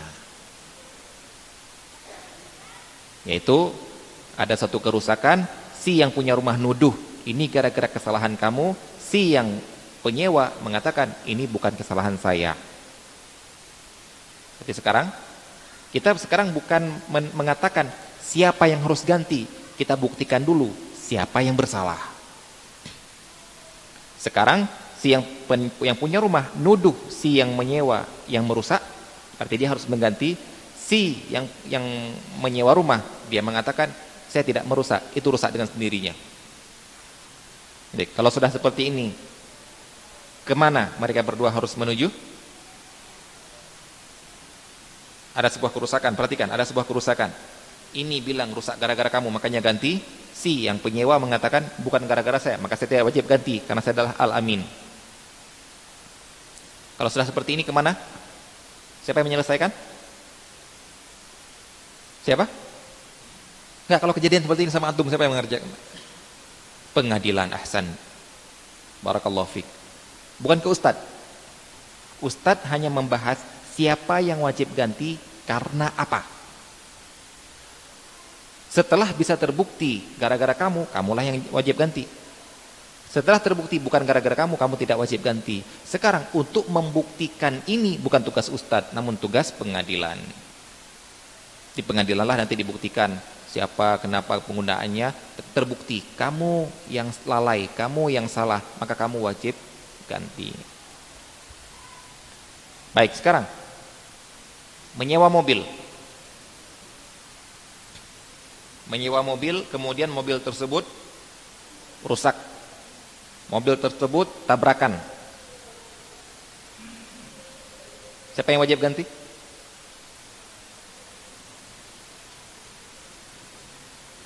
Siapa yang wajib ganti? Langsung bilang penyewa. Kita memakai kaidah ini dulu, jangan langsung bilang penyewa ataupun memakai kaidah ini. Siapa yang rusak? Siapa penyebab tabrakan? Penyewa keteledoran dia, ngantuk, nggak hati-hati, ganti. Enggak Ustaz, ditabrak sama mobil lain Ustaz. Maka siapa yang wajib ganti? Pemilik mobil lain. Yang wajib untuk mengganti ini bukan si yang menyewa. Menyewa nggak salah. Nah, untuk membuktikan sama pemilik mobil gimana caranya? Gimana caranya? Si penyewa mobil bilang, ini yang nabrak bukan saya, ini tidak mobil gini gini gini. Kata si pemilik, enggak ini gara-gara teledoran kamu. Terjadi perdebatan sekarang. Siapa yang harus menentukan? Pengadilan lagi. Ya, jangan ustadz. Karena ustadz tidak punya kekuatan untuk menyuruh seseorang. Ustadz hanya punya kekuatan untuk menerangkan hukum sebuah masalah. Kalau pengadilan bisa nyuruh, bisa nekan, bisa perintahkan, kalau enggak disita, kalau enggak di penjara, itu bisa pengadilan. Bayar hutang, enggak mau, penjara, bisa. Ustadz, bayar hutang. Enggak mau Ustadz, ya gimana lagi? Enggak mau Ustadz, ya coba bisa nasihatin, jangan itu adalah zolim, nanti kamu akan berta, apa akan tertahan roh roh apa roh kamu Eh, apa tidak bisa masuk surga, orang syahid saja tidak bisa masuk surga. Itu cuma bisa ustadznya. Tetap nggak mau ustadz. Ya sudah apa lagi? Sabar ya kalau yang lain. Dari pengadilan bisa menekan. Yang penting kita ingin tahu dulu siapa yang wajib untuk ganti. Sehingga seseorang untuk nuntut seseorang, perhatikan, jangan sampai kita menuntut sesuatu yang nggak boleh kita tuntut. Jadi zolim kita. Nah, jadi yang punya mobil, yang punya rumah, perhatikan bahwasanya barang yang sudah Anda sewakan itu tetap tanggung di bawah tanggung jawab Anda. Kerusakannya di bawah tanggung jawab Anda. Pemilik selama dia tidak teledor, eh penyewa selama dia tidak teledor, kerusakan biasa-biasa saja ataupun sewajarnya ya, penggunaan kampas rim, penggunaan apa, ban mobil dengan sekian kilometer pasti ada pengurangannya tapi itu wajar dari situlah anda ngambil keuntungan jangan itu disuruh ganti sama orang tersebut. Baik ini konsep ya kaidah.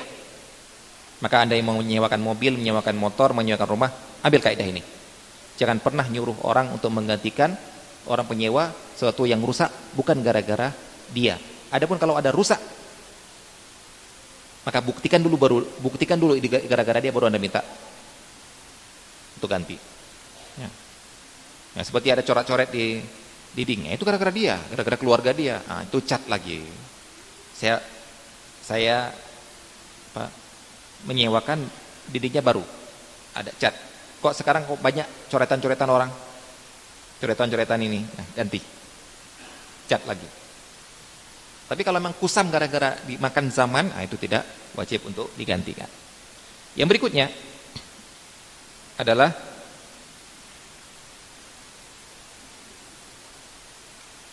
dokter atau ahli bedah atau dokter hewan atau uh, tukang bekam.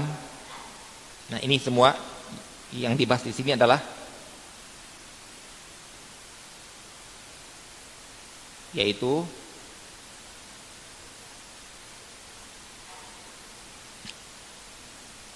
uh, sebuah profesi. Karena di sini nanti dibahas kan bukan hanya dokter saja, dokter, tukang bedah sama dokter hewan juga. Juga dikatakan uh, oleh beliau di sini al-hajjam wat tabib wal baitar. Hajjam tukang tukang tukang bekam. Tabib dokter.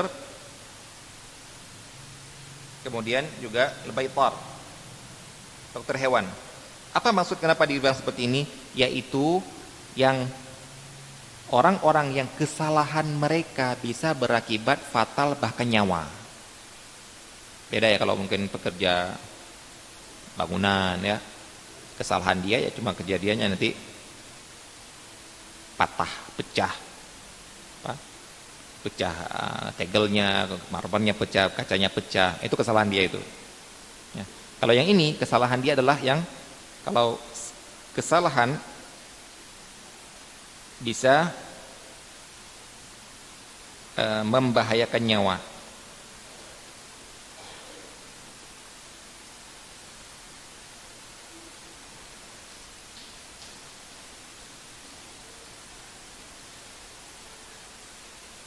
nyawa manusia ataupun nyawa hewan.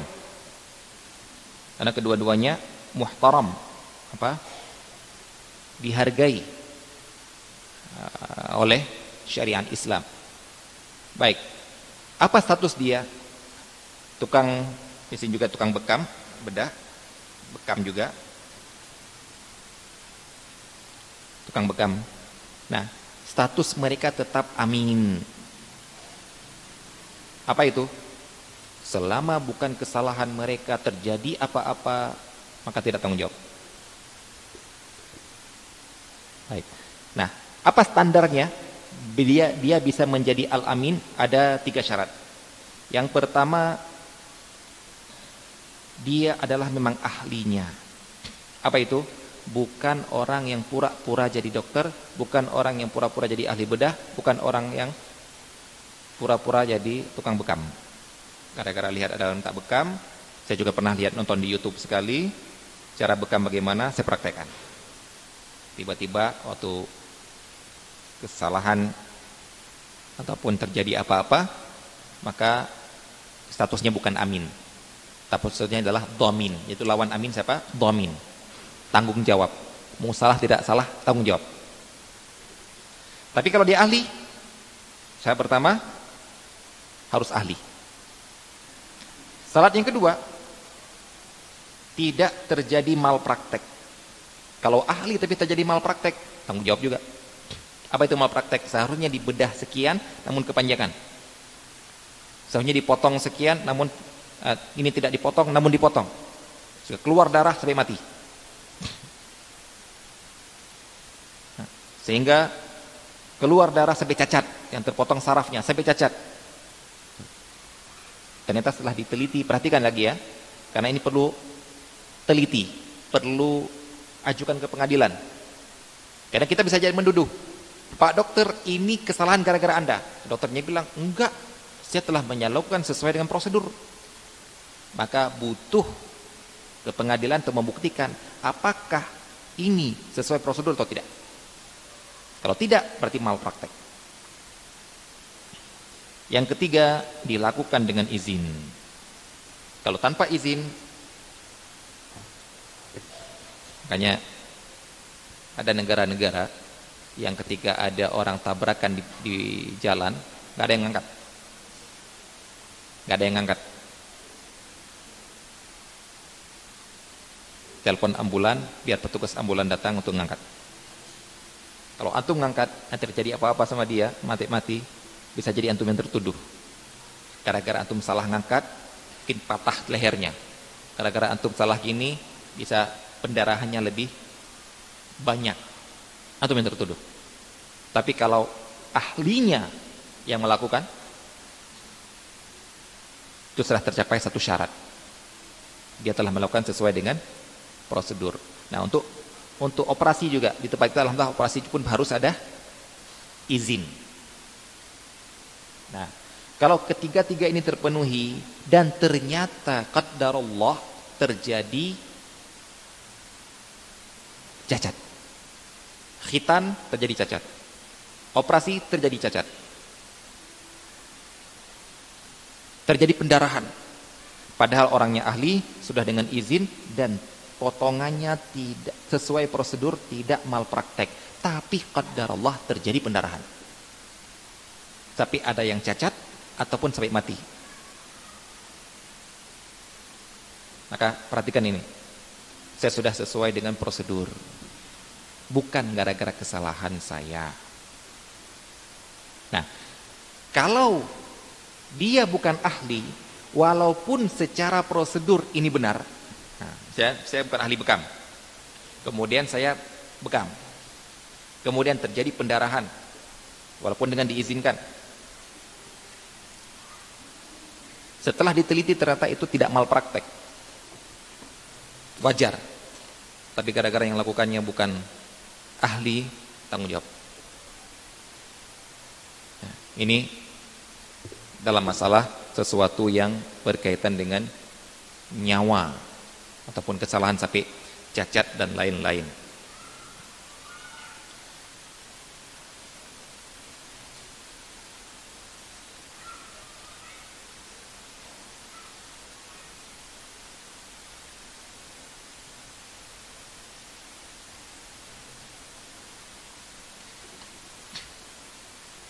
Nah, tukang misalnya ataupun pekerja-pekerja yang di rumah kita memecahkan sesuatu. Memecahkan tegel yang kita udah beli. Mem mem memotong pipa tidak sesuai sehingga tidak bisa digunakan lagi harus beli yang baru. Tanggung jawab siapa? Ya? lihat malpraktek. Ini seharusnya nggak apa? Harus dalam potong hati-hati. Ini seharusnya ketika potong lihat-lihat dulu tapi nggak diukur sampai kemudian salah. Ini tegelnya kok dipotong seperti ini. Nah, ini malpraktek ini kamu. Maka kamu harus ganti. Nah, tapi kalau sudah diletakkan sebuah tempat, kemudian jatuh sesuatu dari atas, trek, pecah, nggak diganti. Karena kejadiannya bukan gara-gara kesalahan dia. Nah ini harus diperhatikan. Kapan kita menuntut seorang untuk mengganti, kapan tidak mengganti.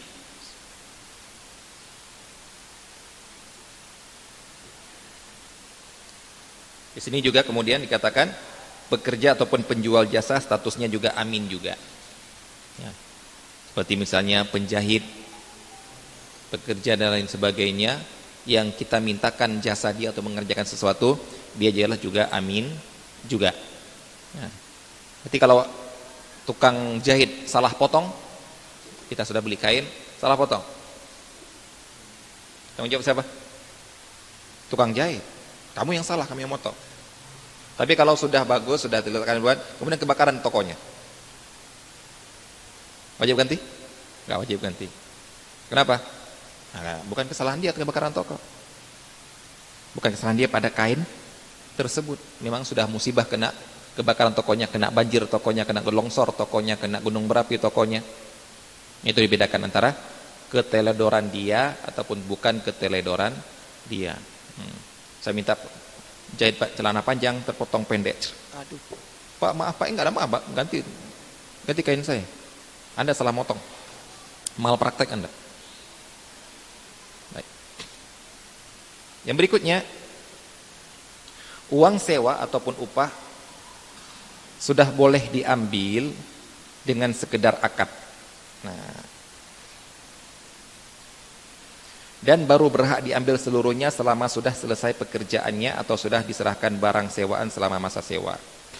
Kalau boleh-bolehnya, sekarang akad walaupun rumah belum ditempatin, rumah gini gini gini tempatin ya, sudah boleh. Jadi uh, untuk saya menyewa ini boleh ambil di awal, boleh ambil di akhir, boleh ambil bertahap. Bukan berarti kan kan belum saya tempati. Kan belum saya tempati kok kok kamu minta uang. Ini boleh. Tapi kalau kamu sudah tempatin, sekarang kamu hutang sama saya. Wajib kata kamu berikan. Kalau saya belum bekerja, boleh kamu saya minta upah langsung. Pak kerjakan ini Pak ya, ya ini uangnya sudah untuk hari ini. Boleh. Tapi kapan saya sudah boleh nuntut? Ketika saya sudah selesai. Pak, sudah selesai Pak. Nah sekarang Anda yang utang sama saya sudah. Kalau tadi dia yang utang kerja. Sekarang setelah bekerja, orang yang menyuruh yang berhutang bayar. Baik. Alhamdulillah kita selesaikan tentang uh, tentang sewa menyewa. Sekarang kita masuk ke bab baru yaitu tentang perlombaan.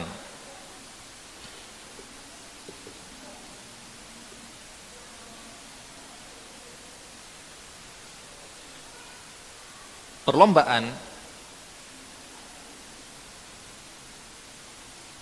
ada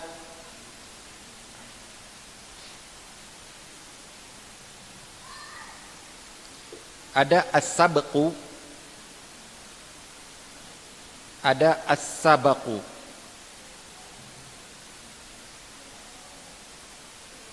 sabaqu. Ini sukun ini fathah. Ini ini artinya perlombaan per perlombaan atau pertandingan. Ini artinya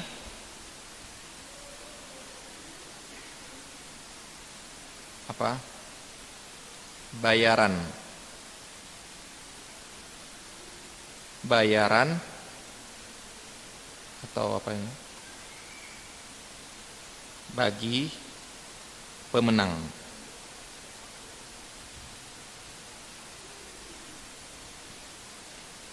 Jadi di sini sedang dibahas apa-apa saja perlombaan yang boleh dijadikan ada bayaran di situ. Makanya masuk ini bab muamalah. Kalau cuma sekedar bermain-main biasa saja nggak usah masuk ke sini lah. Kamu bermain-main sama teman dalam perlombaan lomba lari dan itu nggak nggak ada bayaran, ya nggak usah masuk ke sini. Karena pembahasan kita adalah bab fikih muamalah, maka kita bahas apa saja perlombaan yang boleh untuk dipasang taruhan pemenangnya dikasih uang dengan perlombaan yang tidak boleh ataupun pertandingan yang tidak boleh. Baik. Nah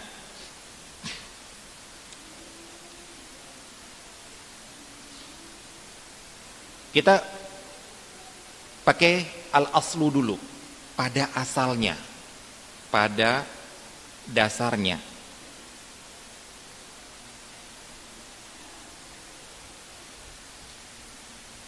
Tidak boleh taruhan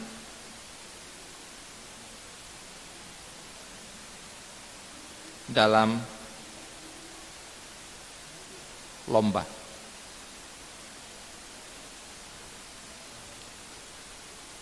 Pada dasarnya.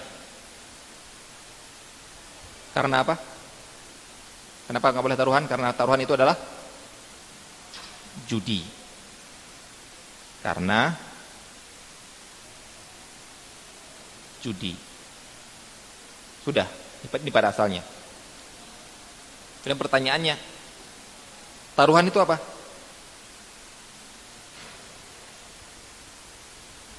Taruhan itu apa? Kita ngomong nggak boleh taruhan, nggak boleh taruhan. Taruhan itu apa dulu? Kadang-kadang nanti orang mengatakan ini judi nih. Mana judinya? Unsur judinya mana? Nah, ini hati-hati Pak ya. Sekarang banyak orang yang tertipu dengan judi berkodok trading. Ya Allah alam, apakah mereka tahu itu judi atau tidak? Allah alam nggak tahu. Apakah mereka itu di awal ketika melakukan transaksi tahu itu judi atau ditipu? Allah alam itu coba tanyakan sama mereka, pastikan dengan mereka sebagai saksi. Jangan-jangan mereka sudah tahu itu judi, sudah dikasih tahu ini judi loh. Kemudian nuduh ditipu, Allah alam. Nah, judi itu apa dulu? Akad, nah, judi itu akad ya antara dua orang untuk melakukan sesuatu yang mana kalau saya menang saya dapat uang, kalau saya kalah saya habis. Ya, bukan dagang berarti ini. Ini untung-untungan kalau dagang. Saat kalau dagang kan ada yang bilang juga kan sama juga spekulasi itu kan spekulasi itu kan spekulasi Ustaz. Iya. Terus Loh, dagang kan juga dagang kan juga spekulasi. Ada yang bilang seperti itu. Ya namanya bisnis kan ada spekulasinya, bisa untung, bisa rugi. Dagang kan juga seperti itu. Berarti model seperti ini juga boleh. Nah, itu saya pasang, kemudian ternyata saya kalah salah tebak, Kemudian saya habis uang saya. Saya benar tebakannya saya dapat uang. Kan spekulasi. Seperti jualan juga. Kalau laku kan untuk kalau nggak laku. Jawaban kita adalah kalau dagang setelah saya beli barang nggak laku barang jadi milik saya. Cuma nggak laku saja barang saya punya. Lah sekarang saya setelah masang satu juta kemudian saya tebak apa saya punya apa? Enggak, saya cuma nebak. Saya nggak bukan beli barang. Saya juga bukan sedang jual barang, cuma nebak. Itu kalau mereka bilang spekulasi itu cuma alasan mereka saja. Untuk mem, untuk me, apa, mengelabui uh, orang emangsa mereka. Gak beda. Sangat beda. Ini jual beli spekulasinya di masalah laku atau tidak. Barang sudah saya miliki, mau saya hadiahkan, mau saya miliki, ya cuma ruginya di situ aja. Tapi kalau ini enggak, cuma tebak-tebakan habis, saya nggak punya apa-apa. Jadi perhatikan ya, pada dasarnya orang yang berlomba dan bertanding itu nggak boleh saling pasang. Pasang ya, pasang ya. Yang menang dapat, yang kalah habis uangnya, nggak boleh. Pada dasarnya. Nah, kecuali ada pengecualian. Apa pengecualian? Nanti akan kita lihat apa yang boleh. Di sini perlombaan terbagi menjadi tiga, kata Syekh Temin di sini.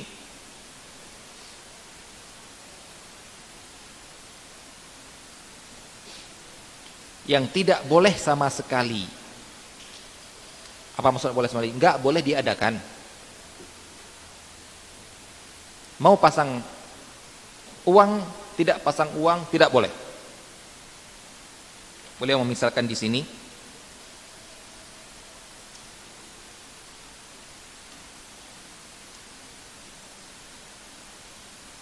cari dulu di mana saya menukil ini.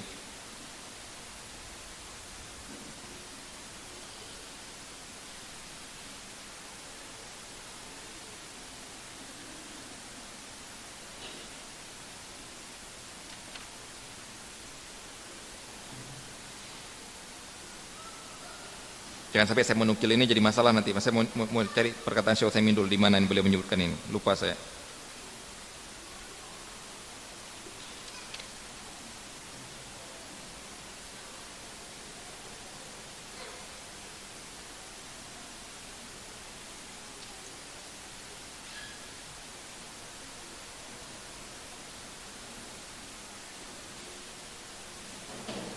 Di sini beliau menyebutkan adapun yang tidak dibolehkan perlombaan sama sekali mau terkandung apa tanpa taruhan ataupun dengan taruhan adalah pertama yang terkandung di dalamnya hal yang haram. Ya sudah, ini jual beli pun nggak boleh.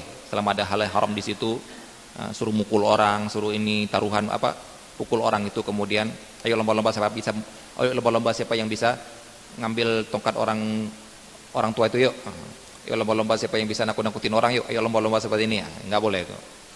Ya.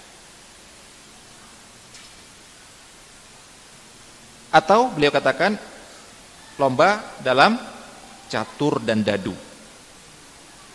Hmm. yaitu yang sesuatu yang me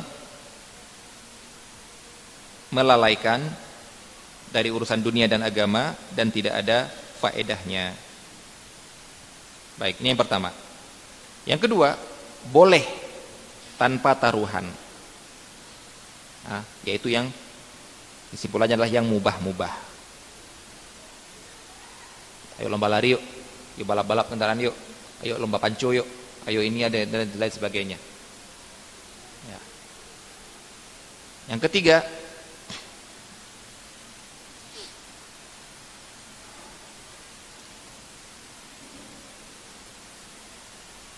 boleh dengan taruhan. Ini ada nasnya, ada dalilnya dari Rasulullah sallallahu alaihi wasallam.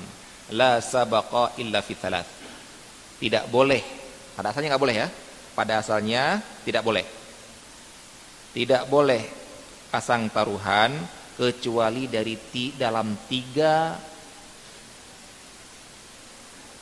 permainan balap kuda, balap onta, dan memanah. Ini sudah disebutkan oleh Rasulullah Sallallahu Alaihi Wasallam. Adapun apakah boleh untuk selain ini yang semakna dengan ini nanti kan kita lihat.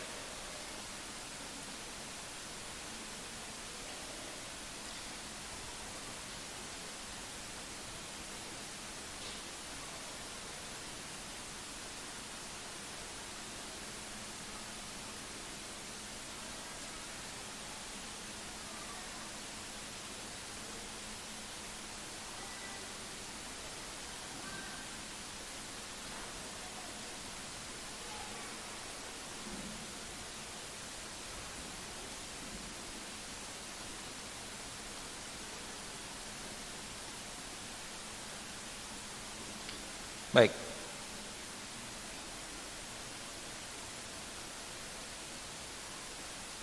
Kemudian yang boleh pasang taruhan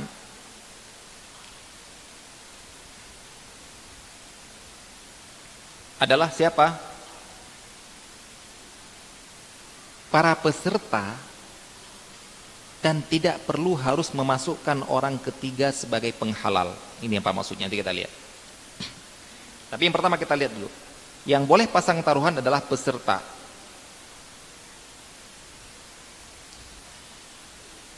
Di sini jangan sampai ada orang memakai hadis Rasulullah SAW bolehnya pasang taruhan di lomba lari kuda.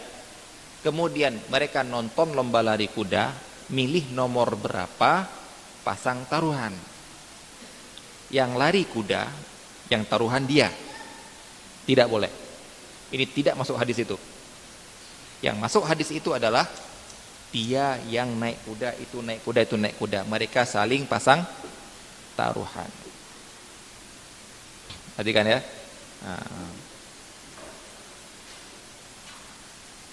Karena ya, ya itu ada ada yang ada yang menjadi memikir apakah dia pikir seperti itu atau memang akalan-akalan dia seperti itu sudah paham hadisnya wallahu taala alam. Baik, di sini peserta. Kemudian dikatakan tidak perlu harus dimasukkan orang ketiga sebagai penghalal. Apa itu penghalal? Nah, perhatikan ya. Ada ulama yang berpendapat. Syekh Utsaimin tidak berpendapat seperti itu. Ada ulama berpendapat A dan B mau lomba kita jangan taruh sini aja A dan B mau lomba balap kuda.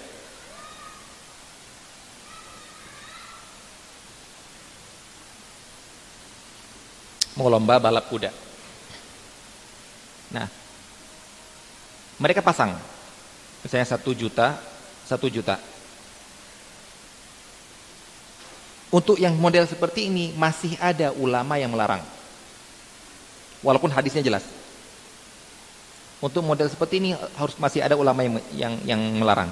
Kata mereka harus harus ajak orang ketiga. Ajak orang ketiga dia tidak masang apa-apa. Baik. Kemudian mereka berlomba, lomba balap siapa pemenang menang C ambil 2 juta menang A ambil dia 2 juta. Menang B ambil dia 2 juta. Berarti di sini dikatakan ada orang ketiga sebagai penghalal judi kalian. Sebenarnya nggak boleh. Sebenarnya kalau cuma kalian berdua nggak boleh judi ini. Datang orang ketiga sebagai penghalalnya. Apa maksud penghalal? Kalau dia menang dia nggak bayar apa-apa kan? Dia kalah eh dia kalah dia kan nggak rugi. Dia menang, dia dapat kan? Nah, ini bukan judi. Jadi ada satu orang gara-gara masuk dia jadi bukan judi. Ini yang dinamakan dia sebagai penghalal yang sebenarnya nggak boleh. Lama lain mengatakan seperti itu. Nah, dan juga mereka mensyaratkan untuk ngajak si C harus benar-benar orang yang bisa berlomba. Jangan ngajak si C sebagai pelengkap anak bawang. Eh, lomba kuda yuk, ayo Pasang berapa? Satu juta, satu juta. Eh kan nggak boleh, ajak si C. C, ayo ajak. Saya nggak punya kuda, kuda saya jelek, kuda, kuda saya belum terlatih. Gak apa-apa, ikut aja. Karena mereka tujuannya mau taruhan berdua ini. Itu hanya sebagai akal-akalan biar boleh. Nah, itu nggak boleh. Yang boleh adalah benar-benar ngajak orang yang benar-benar seimbang, yang mungkin dia menang. Bukan anak bawang. Baik, ini pendapat kebanyakan ulama. Harus masukkan orang ketiga. Nah, Syekh Utsaimin tidak mensyaratkan itu. Syekh Utsaimin mengatakan, kalian berdua saja juga boleh. Sampai segitu. Baik, kenapa? Karena ada pengecualian dari syariat. Nanti akan kita lanjutkan insyaallah. Sallallahu Nabi Muhammad Assalamualaikum warahmatullahi wabarakatuh.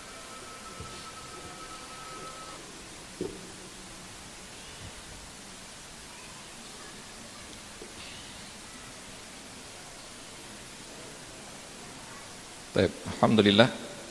Wassalatu wassalamu ala Rasulillah wa ala alihi wa sahbihi wa mawala wa la haula wa la quwata illa billah. Kita lanjutkan. Apa sudut pandang Syekh Al-Utsaimin yang membolehkan lomba dalam tiga hal ini yaitu balap kuda balap onta dan memanah. Walaupun tanpa ada pihak yang ketiga sebagai penghalal. Alasan beliau adalah yang pertama hadis yang mewajibkan harus ada orang yang ketiga yang masuk biar menjadi halal itu dhaif. Beliau mengatakan seperti itu. Memang ada hadis yang mengatakan barang siapa yang berlomba dan memasang taruhan tanpa memasukkan orang ketiga maka dia adalah uh, judi. Kalau masukkan orang ketiga namun orang ketiga hanya sebagai pelengkap enggak mampu untuk menandingi itu juga adalah judi. Maka kata beliau hadisnya dhaif. Allah taala ala alasan yang kedua beliau mengatakan karena kalau kita kalau pada asalnya enggak boleh Kemudian dengan memasukkan orang ketiga menjadi boleh, maka ini seperti akal-akalan juga. Kalau bilang nggak boleh, sekalian nggak boleh. Kalau bilang boleh, ya bilang boleh sekalian. Tapi bilang boleh kalau ada orang ketiga itu seperti kata beliau, ini seperti model akal-akalan yang membo untuk membolehkan sesuatu yang tidak boleh. Yang ketiga adalah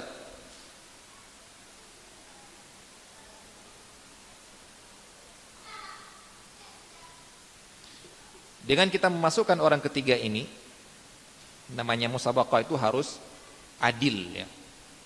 Harus benar-benar orang mampu untuk mengalahkan, mampu untuk menang. Dengan kita masukkan orang ketiga ini, jadinya nggak adil juga. Karena dia orang A mungkin rugi, mungkin menang, B mungkin rugi, mungkin menang, C nggak mungkin rugi tapi mungkin menang. Baik ini alasan beliau jadi beliau mengatakan lebih berpendapat wallahu taala alam untuk balap yang boleh dengan taruhan tadi onta, kuda dan memanah itu boleh walau dari peserta tok yang memasang taruhan tanpa ada orang yang ketiga. Kemudian disyaratkan dalam lomba yang yang boleh pasang taruhan tadi untuk menentukan jenis hewan balapnya apa. Jokinya siapa, jaraknya, siapa yang memanahnya. Tujuannya apa ini semuanya penentuan? Menentukan ini biar tidak gharar.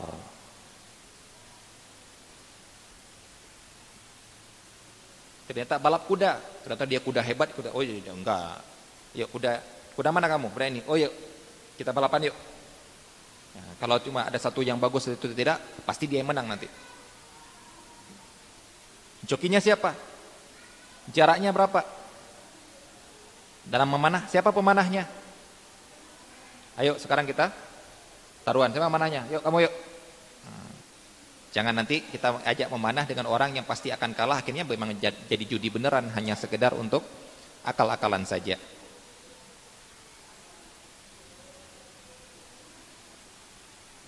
Nah,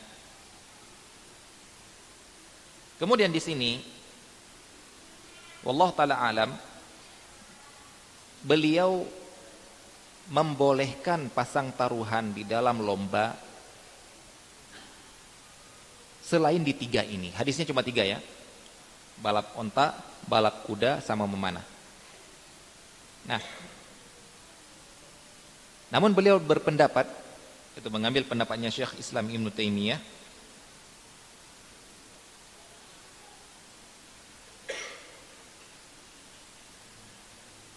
yaitu bolehnya pasang taruhan juga dalam perlombaan dalam bidang ilmu agama. Apa alasannya? Alasannya adalah karena yang dibolehkan tadi untuk yang dibolehkan tadi uh, masang taruhan di perlombaan tadi Tujuannya biar orang semangat belajar berkuda, biar orang semangat untuk melatih apa balap onta, biar orang semangat untuk memanah, tujuannya untuk semangat ikut jihad. Nah, untuk menyemangati ikut jihad ini dibikin lomba. Untuk menyemangati orang ikut lomba dipasang dibolehkan taruhan. Berarti intinya dibolehkan taruhan dalam perbuatan ini karena menyemangat untuk dakwah berupa jihad. Nah, dikatakan oleh Taimiyah, dakwah itu atau eh, jihad itu ada jihad dengan senjata, ada jihad dengan ilmu. Jihad dengan senjata melawan orang kafir secara fisik, jihad dengan ilmu melawan orang-orang menyimpang secara intelektual. Nah, biar orang semangat menuntut ilmu, biar dia bisa berdakwah kita bolehkan lomba. Bahkan kita bolehkan untuk pasang taruhan di dalam lomba seperti bolehnya pasang taruhan di lomba untuk membantu jihad. Itu alasan beliau. Ya. Walaupun ulama lain tidak bolehkan. Jadi hadis itu khusus ke situ khusus, khusus saja. Nah ini kenapa dibolehkan? Gara-gara ada kesamaan dalam hal penyemangat jihad itu pakai senjata, ini pakai ilmu. Nah, jadi beliau di sini membolehkan dengan lebih berpendapat pendapat Syekh Islam Ibn Taimiyah. Wallahu taala alam. Ini yang dalam masalah perlombaan. Nah, sekarang jadi masalah adalah bagaimana jika perlombaan itu hadiahnya cuma dari pihak lain bukan yang ikut lomba. Kita tadi di sini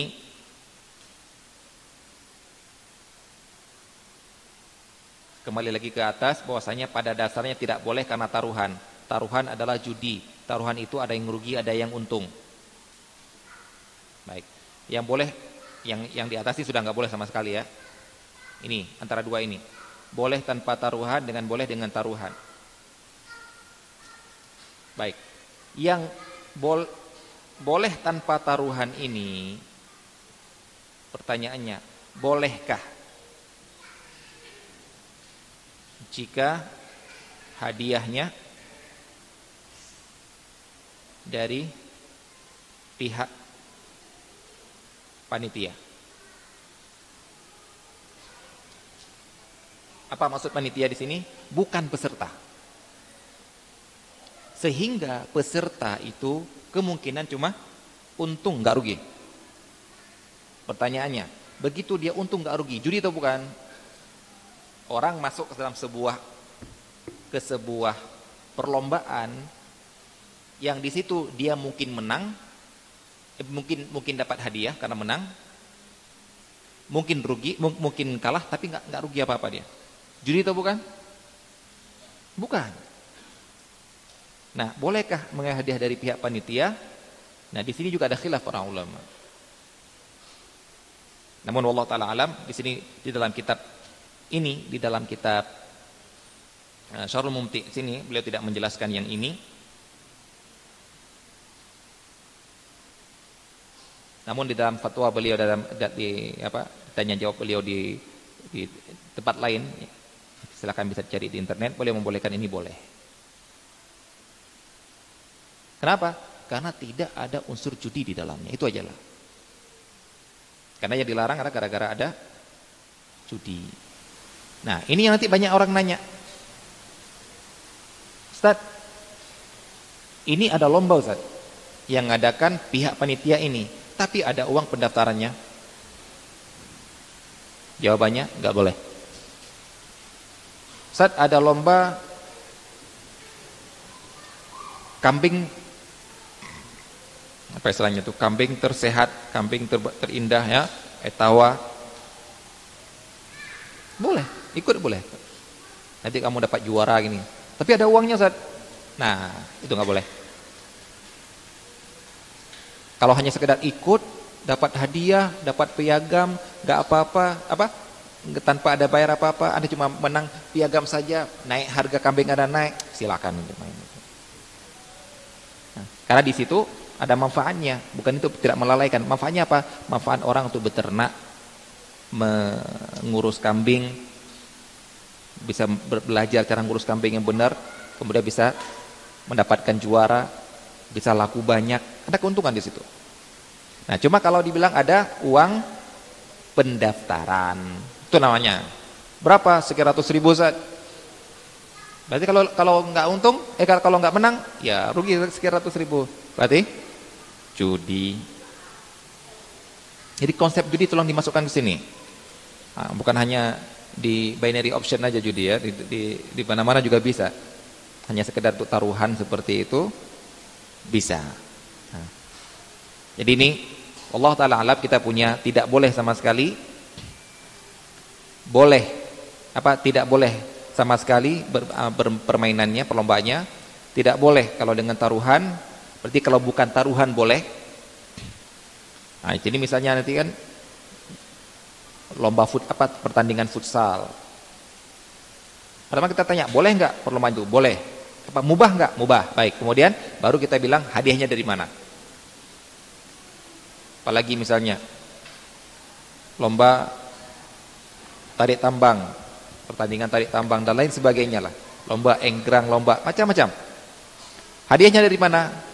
Dari panitia. Murni kalian nggak nggak nggak mengeluarkan apa-apa. Ambil keluarkan tuh uang minum kalian aja saja maka itu tidak.